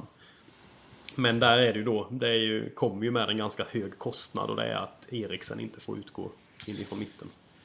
Nej, jag tycker också Dembele, bortsett från West Hams första halvlek, han faktiskt gjort det väldigt bra på den positionen. Det, man har sett lite en revival utav Dembele i mina ögon i alla fall, utifrån mina ögon. Har sett hur han var första perioden han var i Tottenham. Innan hans höft började krångla allt för mycket. Eh, Så tycker jag liksom, Man börjar känna igen honom lite. Och han har varit väldigt bra vissa matcher. Eh, Även i den där sittande rollen mot, mot Chelsea. Så liksom, det känns ju också skönt att starten inte känns riktigt 100%. Sen kan man ju få fördel av Townsend också i laget på tal om det här med att vara uppumpad på rätt sätt. Eh, Men anledningen varför jag inte själv säger Townsend det är för att jag tror aldrig att han kommer spela på vänsterkanten. Om jag hade gjort det tidigare. Sen skulle jag också gärna se den övningen och ha Townsend där. För då får vi en, en jättenaturlig ytter också. Ja, Som, för jag vill ändå se Lamela få starta. Jag tycker han uh, förtjänar det. Så den högen, och det tror jag också kommer hända att han kommer spela på högen. Så jag, jag tror inte Townsend kommer starta där. Nej, Det är min känsla i alla fall. det är väl kanske inte så troligt. Och det kanske är bra egentligen också. Jag tror jag är Ja. lite för svag egentligen för Townsend. Jag vet inte vad det är med honom men det är något i Han har också någon attityd som jag gillar. Att han gömmer sig aldrig ifrån från att ta ansvar. Liksom. Det är aldrig så att han ställer sig och försöker undvika att, eh, att ta, för- ta tag i liksom, saker och Nej. ting. Utan han, han står gärna i centrum. Men det är för att han är för, dum. mycket. Det är för att han är för dum för att förstå. Han har ingen konsekvenstänk riktigt. Han förstår inte. eh, Men han, alltså han är för korkad helt enkelt. Det tror jag. För Det, han, kan, det kanske är det jag, det jag tilltalas nej, det, nej, det tror jag verkligen inte någonstans. Men jag, jag tycker faktiskt Andrew Townsend är faktiskt en rätt usel fotbollsspelare. Eh, Men alltså, han har inga, han har snabbheten, han har inställningen. Jag tycker verkligen han har inställningen och ett, en, en, en vilja av att komma framåt. Men han är extremt lättläst som jag ser det. Eh, Sen skulle jag vilja, vilja ha kvar Townsend i en Tottenhams trupp och ha Townsend kunna stoppa in honom i matcherna ibland för att han, han tillför också någonting, lite annan dimension. Men nej, jag är ingen fan av Andrews Townsend. Det kan jag inte påstå. Nej, så var det med det. Så, ja, det, det är inte facit jag sitter på men det är bara en, en tanke jag har om Townsend på alla sätt. Sen kan det ju vara sen rent, rent, rent, eh, om man ska säga rent, eh, bara för att hur, hur det ska vara så vackert som möjligt för om vi skulle vinna denna då ser jag jättegärna att Townsend spelar just för att han har varit i Tottenham så länge. Han vinner ju mycket på det, sympati. För, för även för mig så säger att han har varit i Tottenham så länge. Det liksom väger upp det här usla som jag tycker jag ser genom i, i just i fotbollshjärnan. Det är det jag tycker han brister så fruktansvärt mycket. Mer än jag sett många andra göra. Alltså, det Bentalebs styrka är, det är ju Townsends extrema svaghet. Han kan inte tänka fotboll. Samma med Eriksen som är en oerhört intelligent fotbollsspelare. Medan Townsend har ingenting utav det. Jag vet inte riktigt. Vad skulle han göra om han inte hade fotbollen? Högst oklart. Högst oklart. Det är inga 300 000 eh, kronor i veckan i alla fall i lön. Om man nu sitter på det. Jag vet inte. Det, det, så mycket kan vi ändå säga. Det, det kan vi nog göra. Ehm, om vi släpper startelvan lite. Nu går vi bort ifrån Ja. Nu vill inte jag prata Townsend längre. Jag har blivit ledsen. Nej. Ja, jag Ehm. sänkte. Om vi ska snacka lite, om, i min värld, lite mindre positiva saker inför finalen här. Jag tycker det är, du har ju varit inne och svingat lite mot de här tidigare. Nu är det väl inte bara Twitterkontot men Spurs officials uppladdning inför finalen. De jobbar ju med någon hashtag-övning här som heter Spurs at Wembley eller vad den heter. Ja. Eh, har du läst om denna?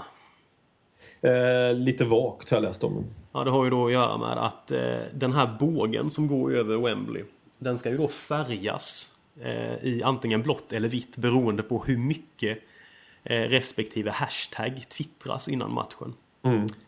Så det är alltså Spurs at Wembley eller Chelsea at Wembley som avgör färgerna på, eller hur stor del av, eh, av den här bågen som är vit eller blå. Ja. Eh, och jag eh, tappade lite lusten till finalen när jag såg detta. Jag tycker det är något sanslöst, poänglöst, sociala media Ja, vad, är syf- vad är syftet med liksom? Nej men det är att folk ska twittra Spurs at Wembley eller Chelsea Ja, at. Wembley. Men det är väl enda. Det, är liksom, det känns så fruktansvärt menlöst på alla sätt. Ja, det är en liten Twitter-tävling inför Ja, finalen. som ska påverka den här bågen. Ja, jag, jag har inte och kommer inte hashtagga Spurs at Wembley en enda gång kan jag säga. Nej, jag har övervägt att block blocka den lite. Det är ju för Mm. sig några som gör lite sådär, de, gör, de skämtar lite om den så de sätter det i slutet på alla sina tweets. Ja, Så det var någon som hade skrivit så, så jag, för någon dag sedan sådär Watching you porn hashtag Spurs at Wembley. ja, det, måste man ju, det måste man ju credda. Ja, ja det, är- det är heder till honom för den, den det, det bruket av hashtaggen. Aj.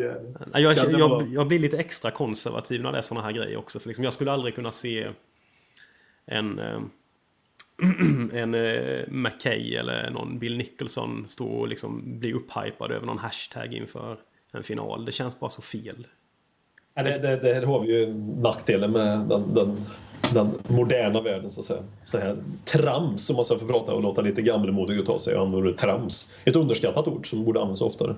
Det är väldigt mycket trams över detta, helt enkelt. Ja, och fortsätta på tramspåret. Nu, vi ska inte bli för negativa här så jag tänker att jag tar det medan vi fortfarande har lite tid kvar så vi kan lyfta upp stämningen sen igen.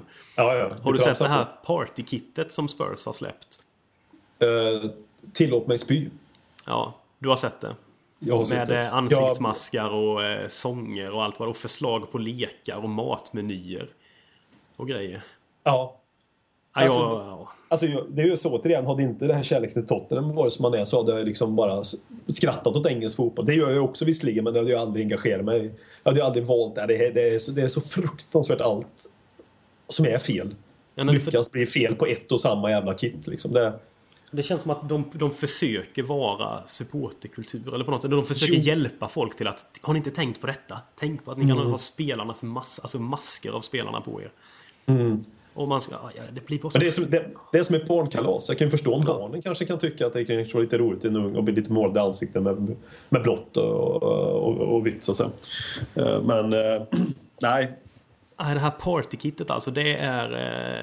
Eh, det är underkänt på alla sätt. Det är jag hoppas att det säljer extremt dåligt. oerhört dåligt. Jag tror tyvärr det är så att man kan bara gå in och ladda ner allting så det kostar inga pengar. Eller det, Det är kanske är bra i och för sig att de inte försöker mjölka det. Ja, jo, men det, ja. Jag tänkte säga, vad tar vi hellre? No fucking party kit eller en förlust?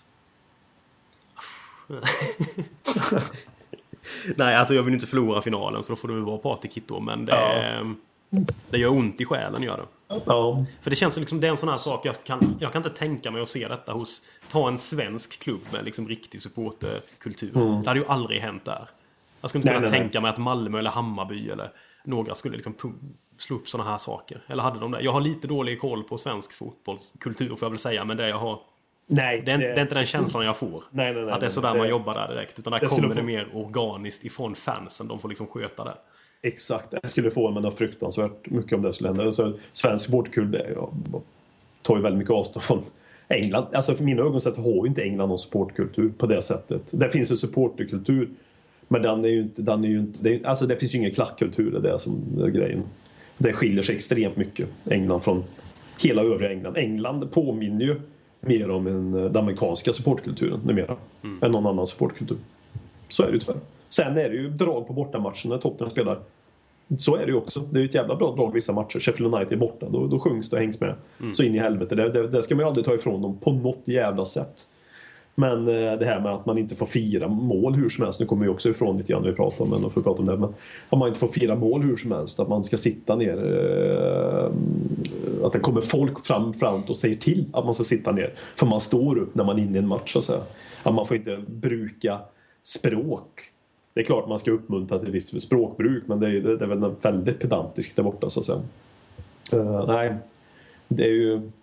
Man är ju, man är, man är inte supporter på, på supporternas villkor men är ju supporter på grund av uh, klubbens villkor. Det är ju de som stämmer. Ja. Det, nej, jag blir ledsen. Fruktansvärt ledsen över den där utvecklingen som jag inte ser går åt något annat håll än bara fortsätter gå åt det tråkiga hållet så att säga.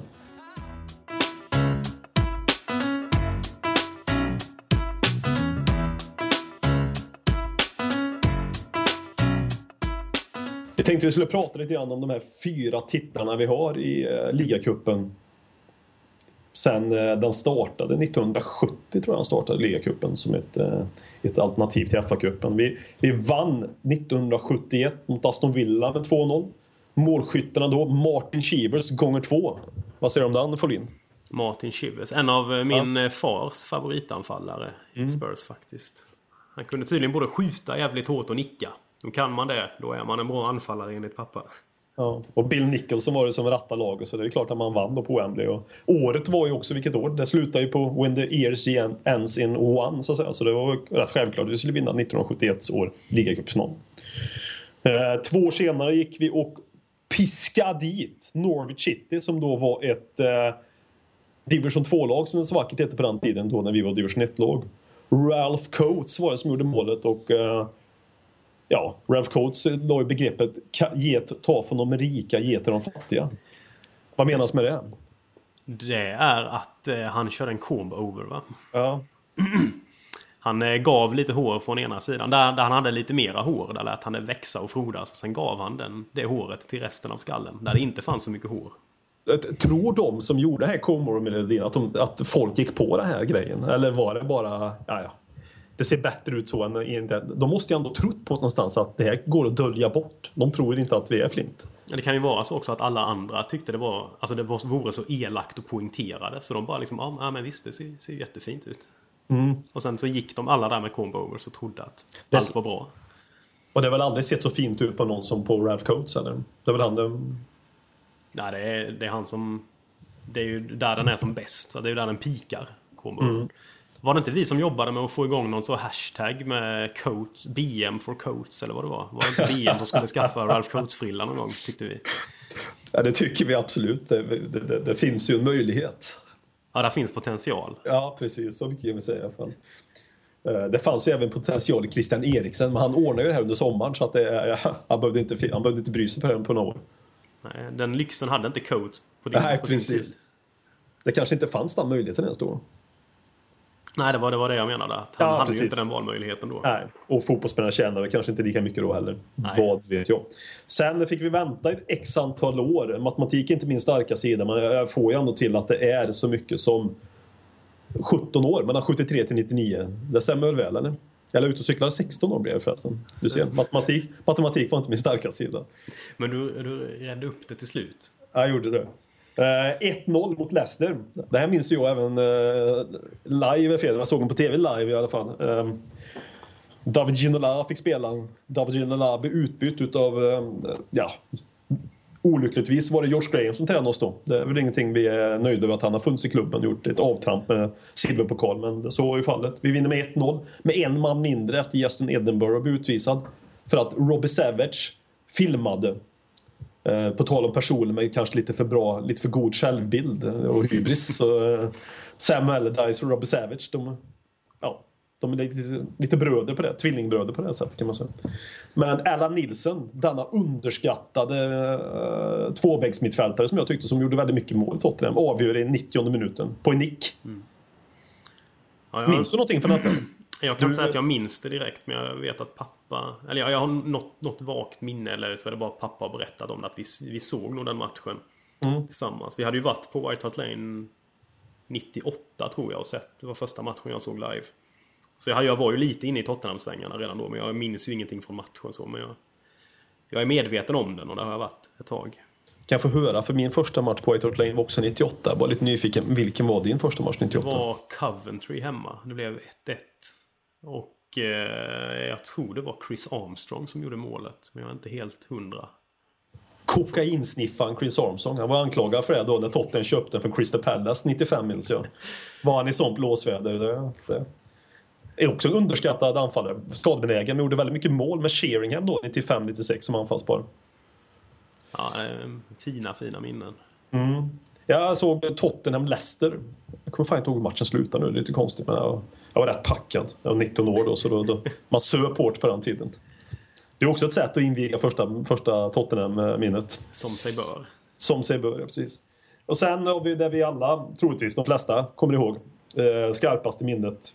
Om man nu inte blir, eh, som jag, mer och mer dement med åren. Man minns dåtid mycket mer än det som, eh, som hände bara för några år sedan. Du, fantastiska tvåårssegern just mot Chelsea också. På, eh, som då är ett, beklagligtvis, nya Wembley också. Det var ju första matchen på nya Wembley. Första cupfinal på nya Wembley här tror jag också. Tottenham-Chelsea. Då man lämnade Fårhagen i Wales och började spela fotboll i England igen. Man lämnade fåren och började spela fotboll med människor igen. Ja, precis. Ja. 2-1. Jonathan Woodgate. Och Dimitar Berbatov. Ja. Men mest Jonathan Woodgate givetvis. Som gjorde en match i cup, en match i den ligacup-hysterin. Jag minns, jag var, ursäkta jag tar över här lite men jag, bara säga, jag minns så tydligt att han fick avgöra matchen. Jag, jag gick och, jag, än idag är jag så förvånad över hur han kunde vara så glad efter matchen.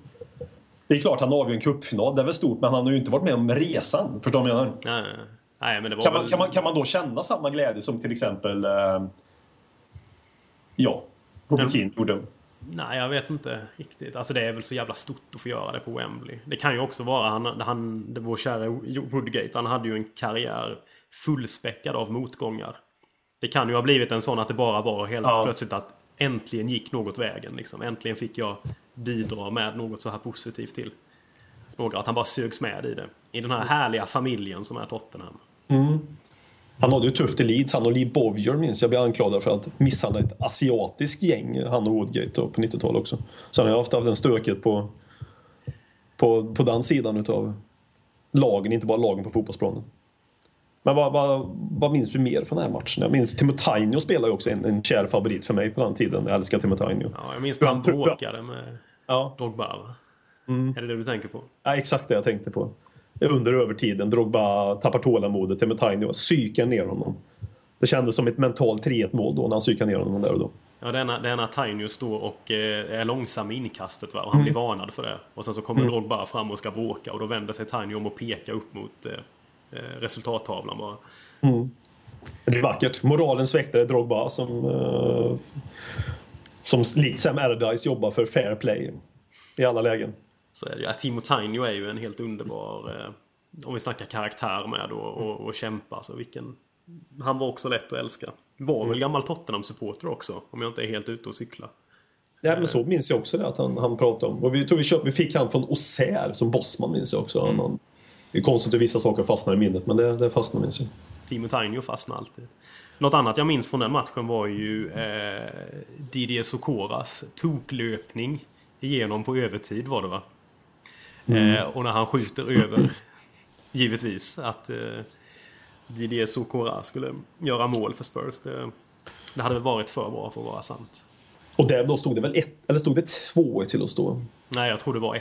Det var 1-1 fortfarande, ja precis. Och han kollade, det minns jag också från, från klippen med Sokora, så fortsatte på Sokoras spår lite grann. Att han, han tittar ju inte på straffen när, eh, när Berbatov slår in det. Så den den är filmad mot Sokora, en, en, en film där han går med, med blicken mot, mot Paul Robinson.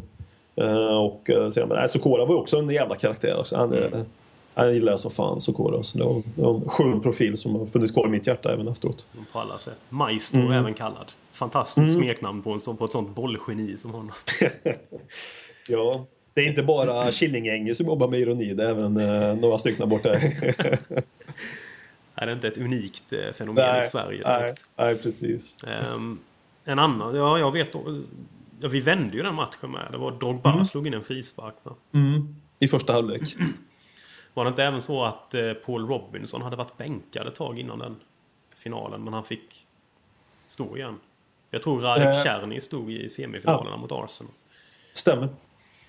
Stämmer. Ja, det- Eh, Se om vi kan hoppas på något liknande nu. Att, eh, inte för att Loris var bänkad, men att Loris ska få stå som egentligen är i grunden den första målvakten. För det var väl ändå Robinson, trots att han var bänkad där ett tag. Jo. Så sågs han väl ändå där och då som inte bara Englands number one som det sjöngs om, utan Tottenhams number one också. Så. Jo, absolut. Ja, han gjorde, fick väl även göra, han gjorde en ganska fin fotparad i andra halvlek där i förlängningen. Så. Mm. Ja, det var fint för Robinson med. Det var en väldigt älskvärd person och Mm. väldigt kul att han fick en pokal med Spurs. Nu blir vi lite, lite nostalgiska här och spårar Ja, men det lite, men det, det får vi bli när det är final. Det är inte så ofta Ja, det är final absolut. för oss ju tyvärr. Så. Nej, det är ju inte det. Och det är ju ligacupfinalerna vi är i nu för tiden. Vi har ju tyvärr inte varit på en FA-cupfinal på ett tag. Så.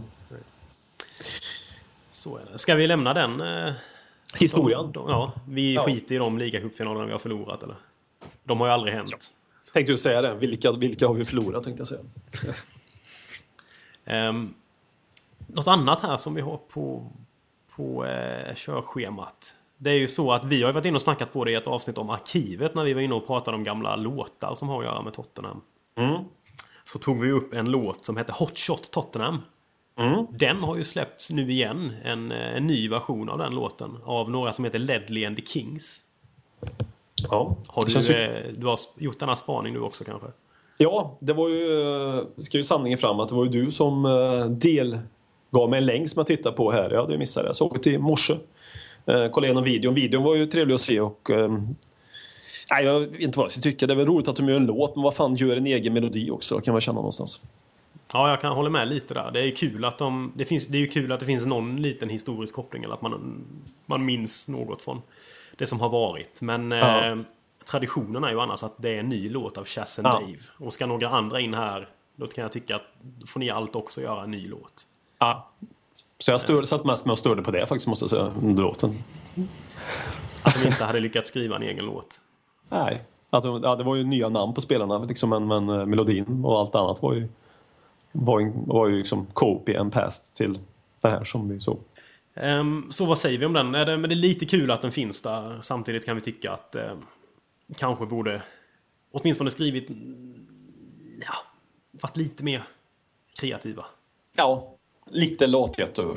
En sak som är lite illavarslande dock med att de har valt den här låten. Det är ju det att det är den låten från Chas and Dave som vi har förlorat en cupfinal till när den har skrivits.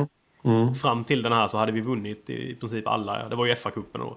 Och alla låtarna som Chas and Dave hade gjort hade ju gjorts till en final som vi vann.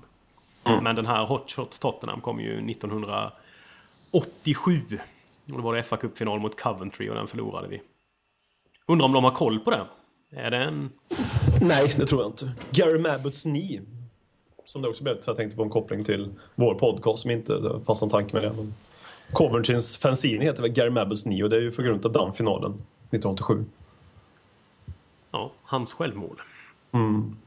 Nej, det tror jag inte de har någon koppling till. Och har de det så uh, må de brinna i, så att säga. Då tror de ju inte på jinxen direkt som alla andra vettiga människor tror ju på jinx. Ja, Eller man vet ju att jinx är. Det är ju fakta på det, att det finns jinx. Frågan är ju om det är en anti-jinx. Men... Eh, Ja. Det får vi se på söndag. Är det torsk så vet vi vilka vi ska vända oss mot. ja, då är det the Kings. Yes.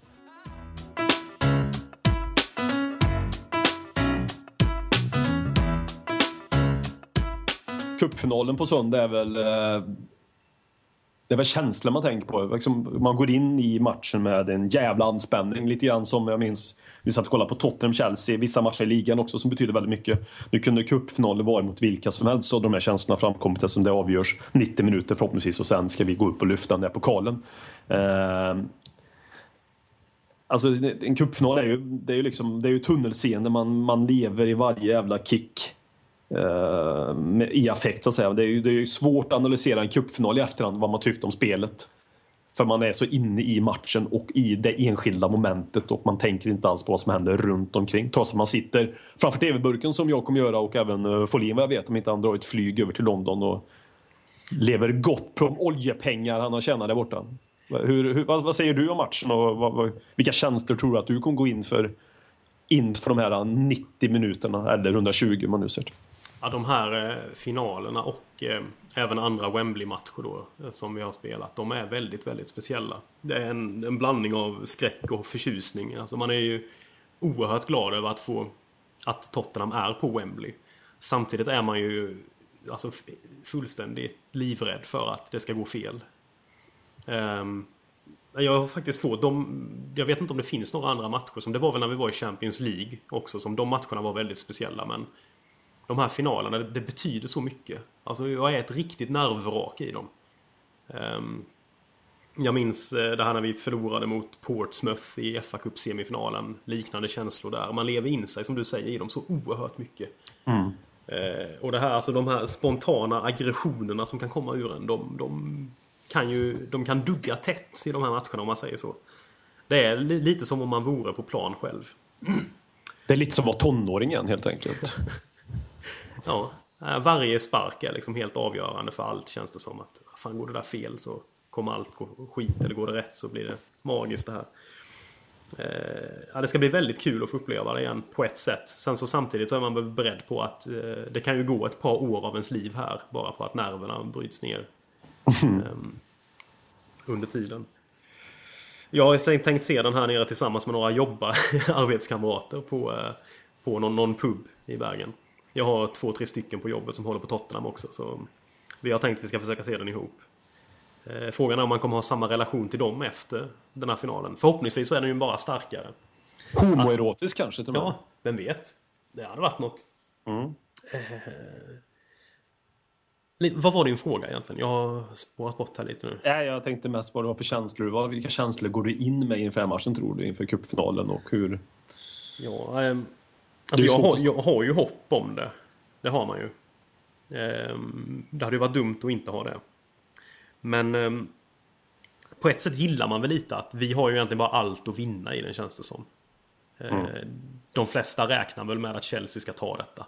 Att okej att vi slog dem en gång hemma i ligan men de, de flesta, om man säger neutrala, eller så tänker nog att ah, det gör de nog inte om. Skrällen är ju att vi vinner den. Och det, det är jag ganska bekväm med på ett sätt, det gillar jag. Um, det har ju funnits tillfällen på Wembley där vi har gått in och varit favoriter och det inte har gått riktigt lika bra. Nej, så är det. Portsmouth. Ja, väldigt mycket den. Men, nej, Men jag tror- Som det är ut och köra liksom. Den här ungdomliga entusiasmen som vi varit inne och snackat om innan. Jag tror den kan bli... Det kan bli succé. Det kan också bli ett väldigt stort fiasko. Alltså någonstans som jag känner också inför det här, alltså jag vill ju det, detta lag mer väl än många andra Tottenham-årgångar så att säga. Eh, Just beroende på att de vill det på riktigt de här. Alltså inte bara för sin egen del som, som säkerligen ligger i första fokus, så naiv får man inte vara, men de, de vill det även för Tottenham och då vill man ju även att de ska lyckas mer än vad man har velat med andra. Så jag, man kanske låter löjligt, men jag har ju ett annat emotionellt intresse även till, till spelarna. Annars brukar det ju vara klubben bara, men även, jag vill verkligen för doms, för Harry Kanes skull, för Masons skull.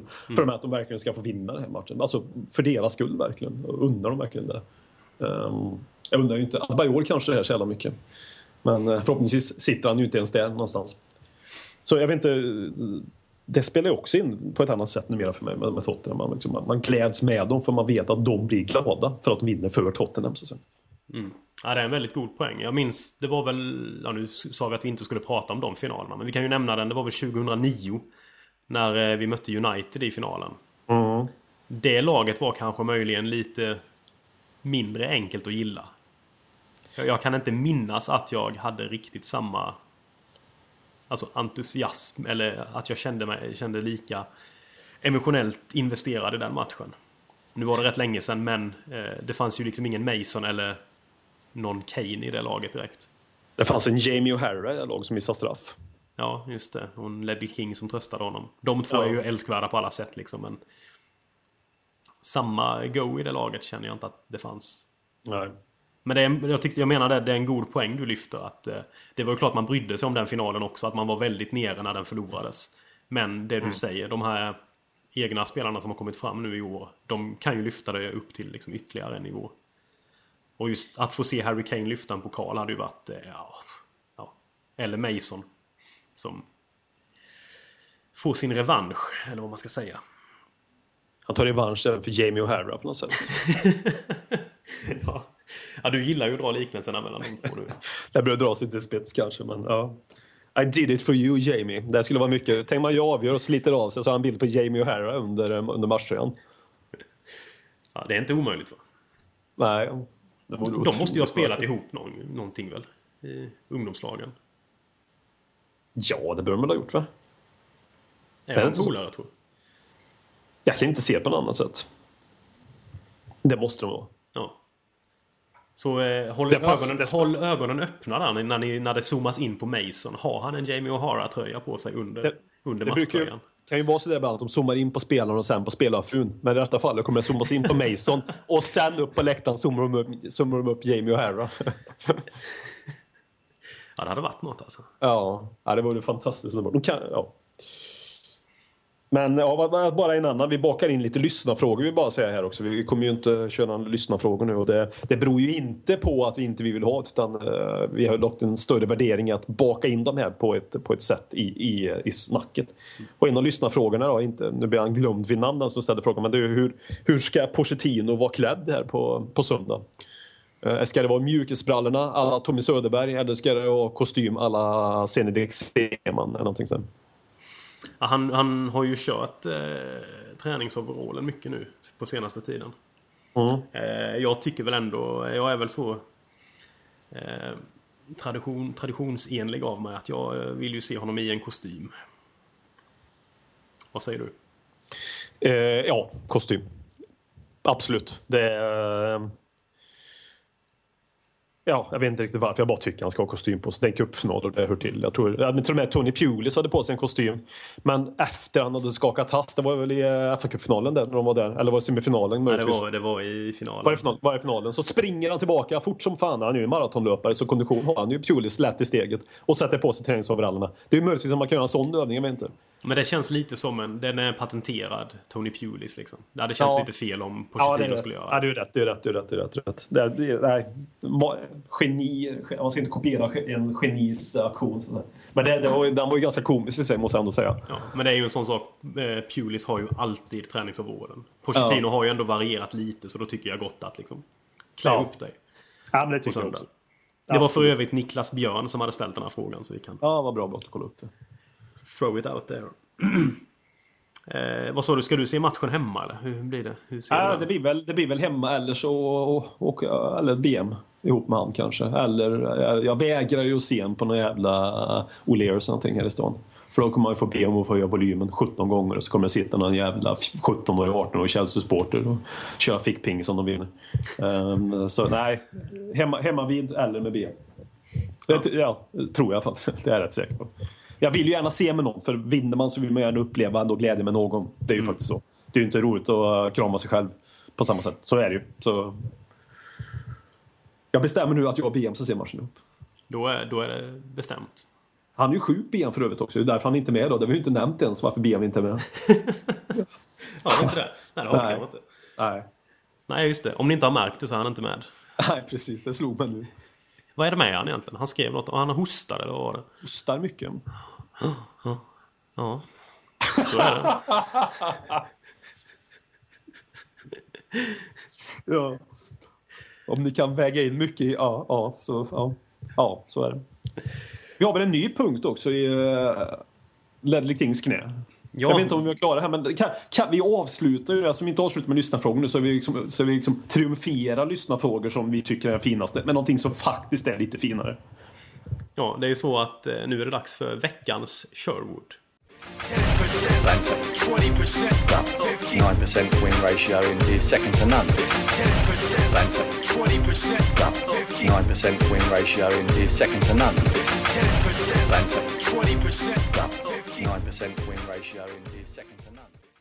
Nu avslutar vi på det, på det bästa sättet någon podcast någonsin genom podcasthistorien. Från den första podcasten som Filip och Fredrik kanske spelade in 7-8 år sedan tillbaka till dags datum.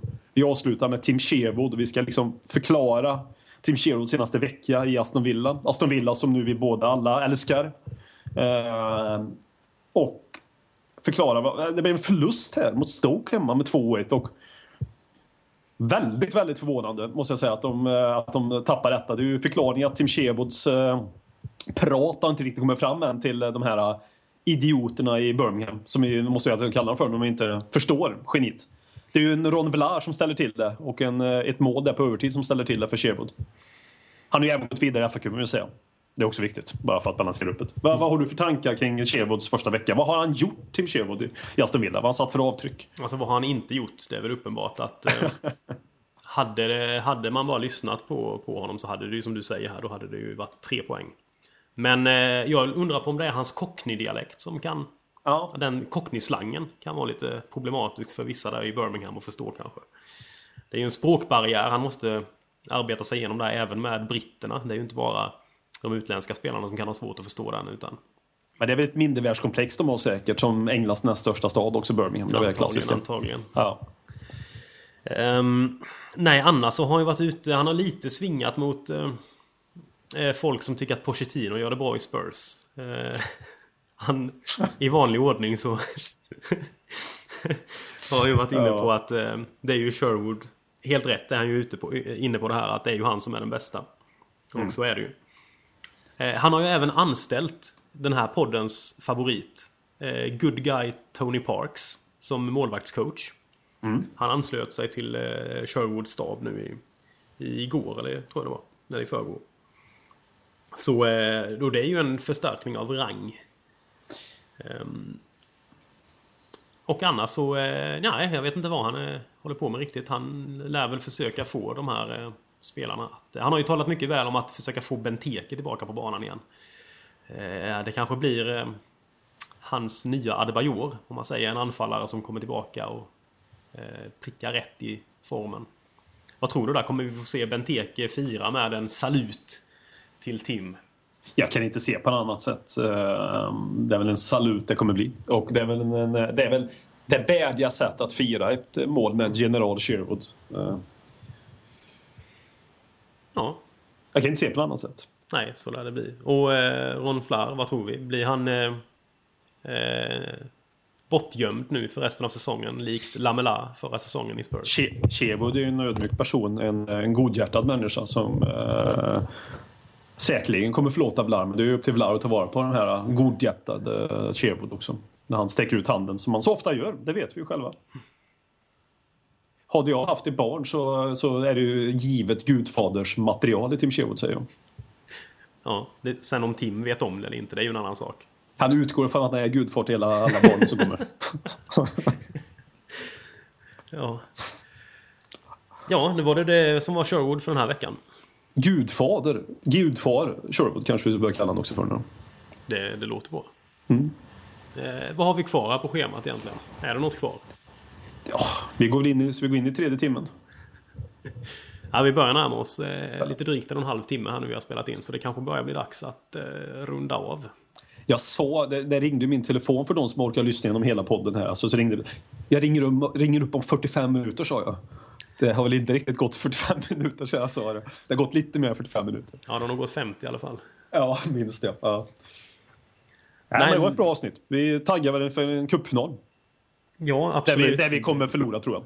Om man får bara säga mm, tips. Jag tror inte vi kommer vinna men... men ehm, Ja, jag, Ja. Vill, jag vill inte tippa den. Jag, jag tänker försöka ha så mycket hopp jag kan fram tills... ja, då grusar de sig 4-0 Chelsea. Nej då. Ja, men det är klart vi kan vinna men eh, det är ju klart att de där pengamaskinen eh, är favoriter. Och det trivs jag med att de får vara också. Ja, ja det har vi sagt tidigare. Så det, det får de gärna vara. Eh, så, men så hoppas vi att vi får se en tjurig eh, José Mourinho gnälla över allt möjligt. Konspirationer mot Chelsea och eh, eh, oschyssta medel från Tottenham-spelarna efter matchen. Ja, det är synd om Chelsea. Det är synd om. Ja, det kan inte vara lätt. en av de rikaste klubbarna i världen. eh, Fan, det Ja. lätt alltså. Nej, Ständigt motarbetade. nej, nej. En tröstande hand till Chelsea. och Kämpa nu för fan. Så det, vi tar och spelar på världens minsta fiol till, eh, till Chelsea. Och så eh, hörs vi väl igen nästa vecka. Lever Sherwood. Dags att hämta hem det ännu en gång För jo, du vet ju hur det slutar varje gång vinden vänder om. Det spelar väl ingen roll, jag håller ett finger långt Alla de minne får, de är ett minne blått Det här är ingen blå grej som rent spontant blir omtalat på något omslag som Heidi Montage eller Spencer Pratt. Är nog den endaste svenska MC'n som har en känsla för rap så hey! släng upp en hand om du känner vad som sägs Är du en podcast coming your way så ge mig femman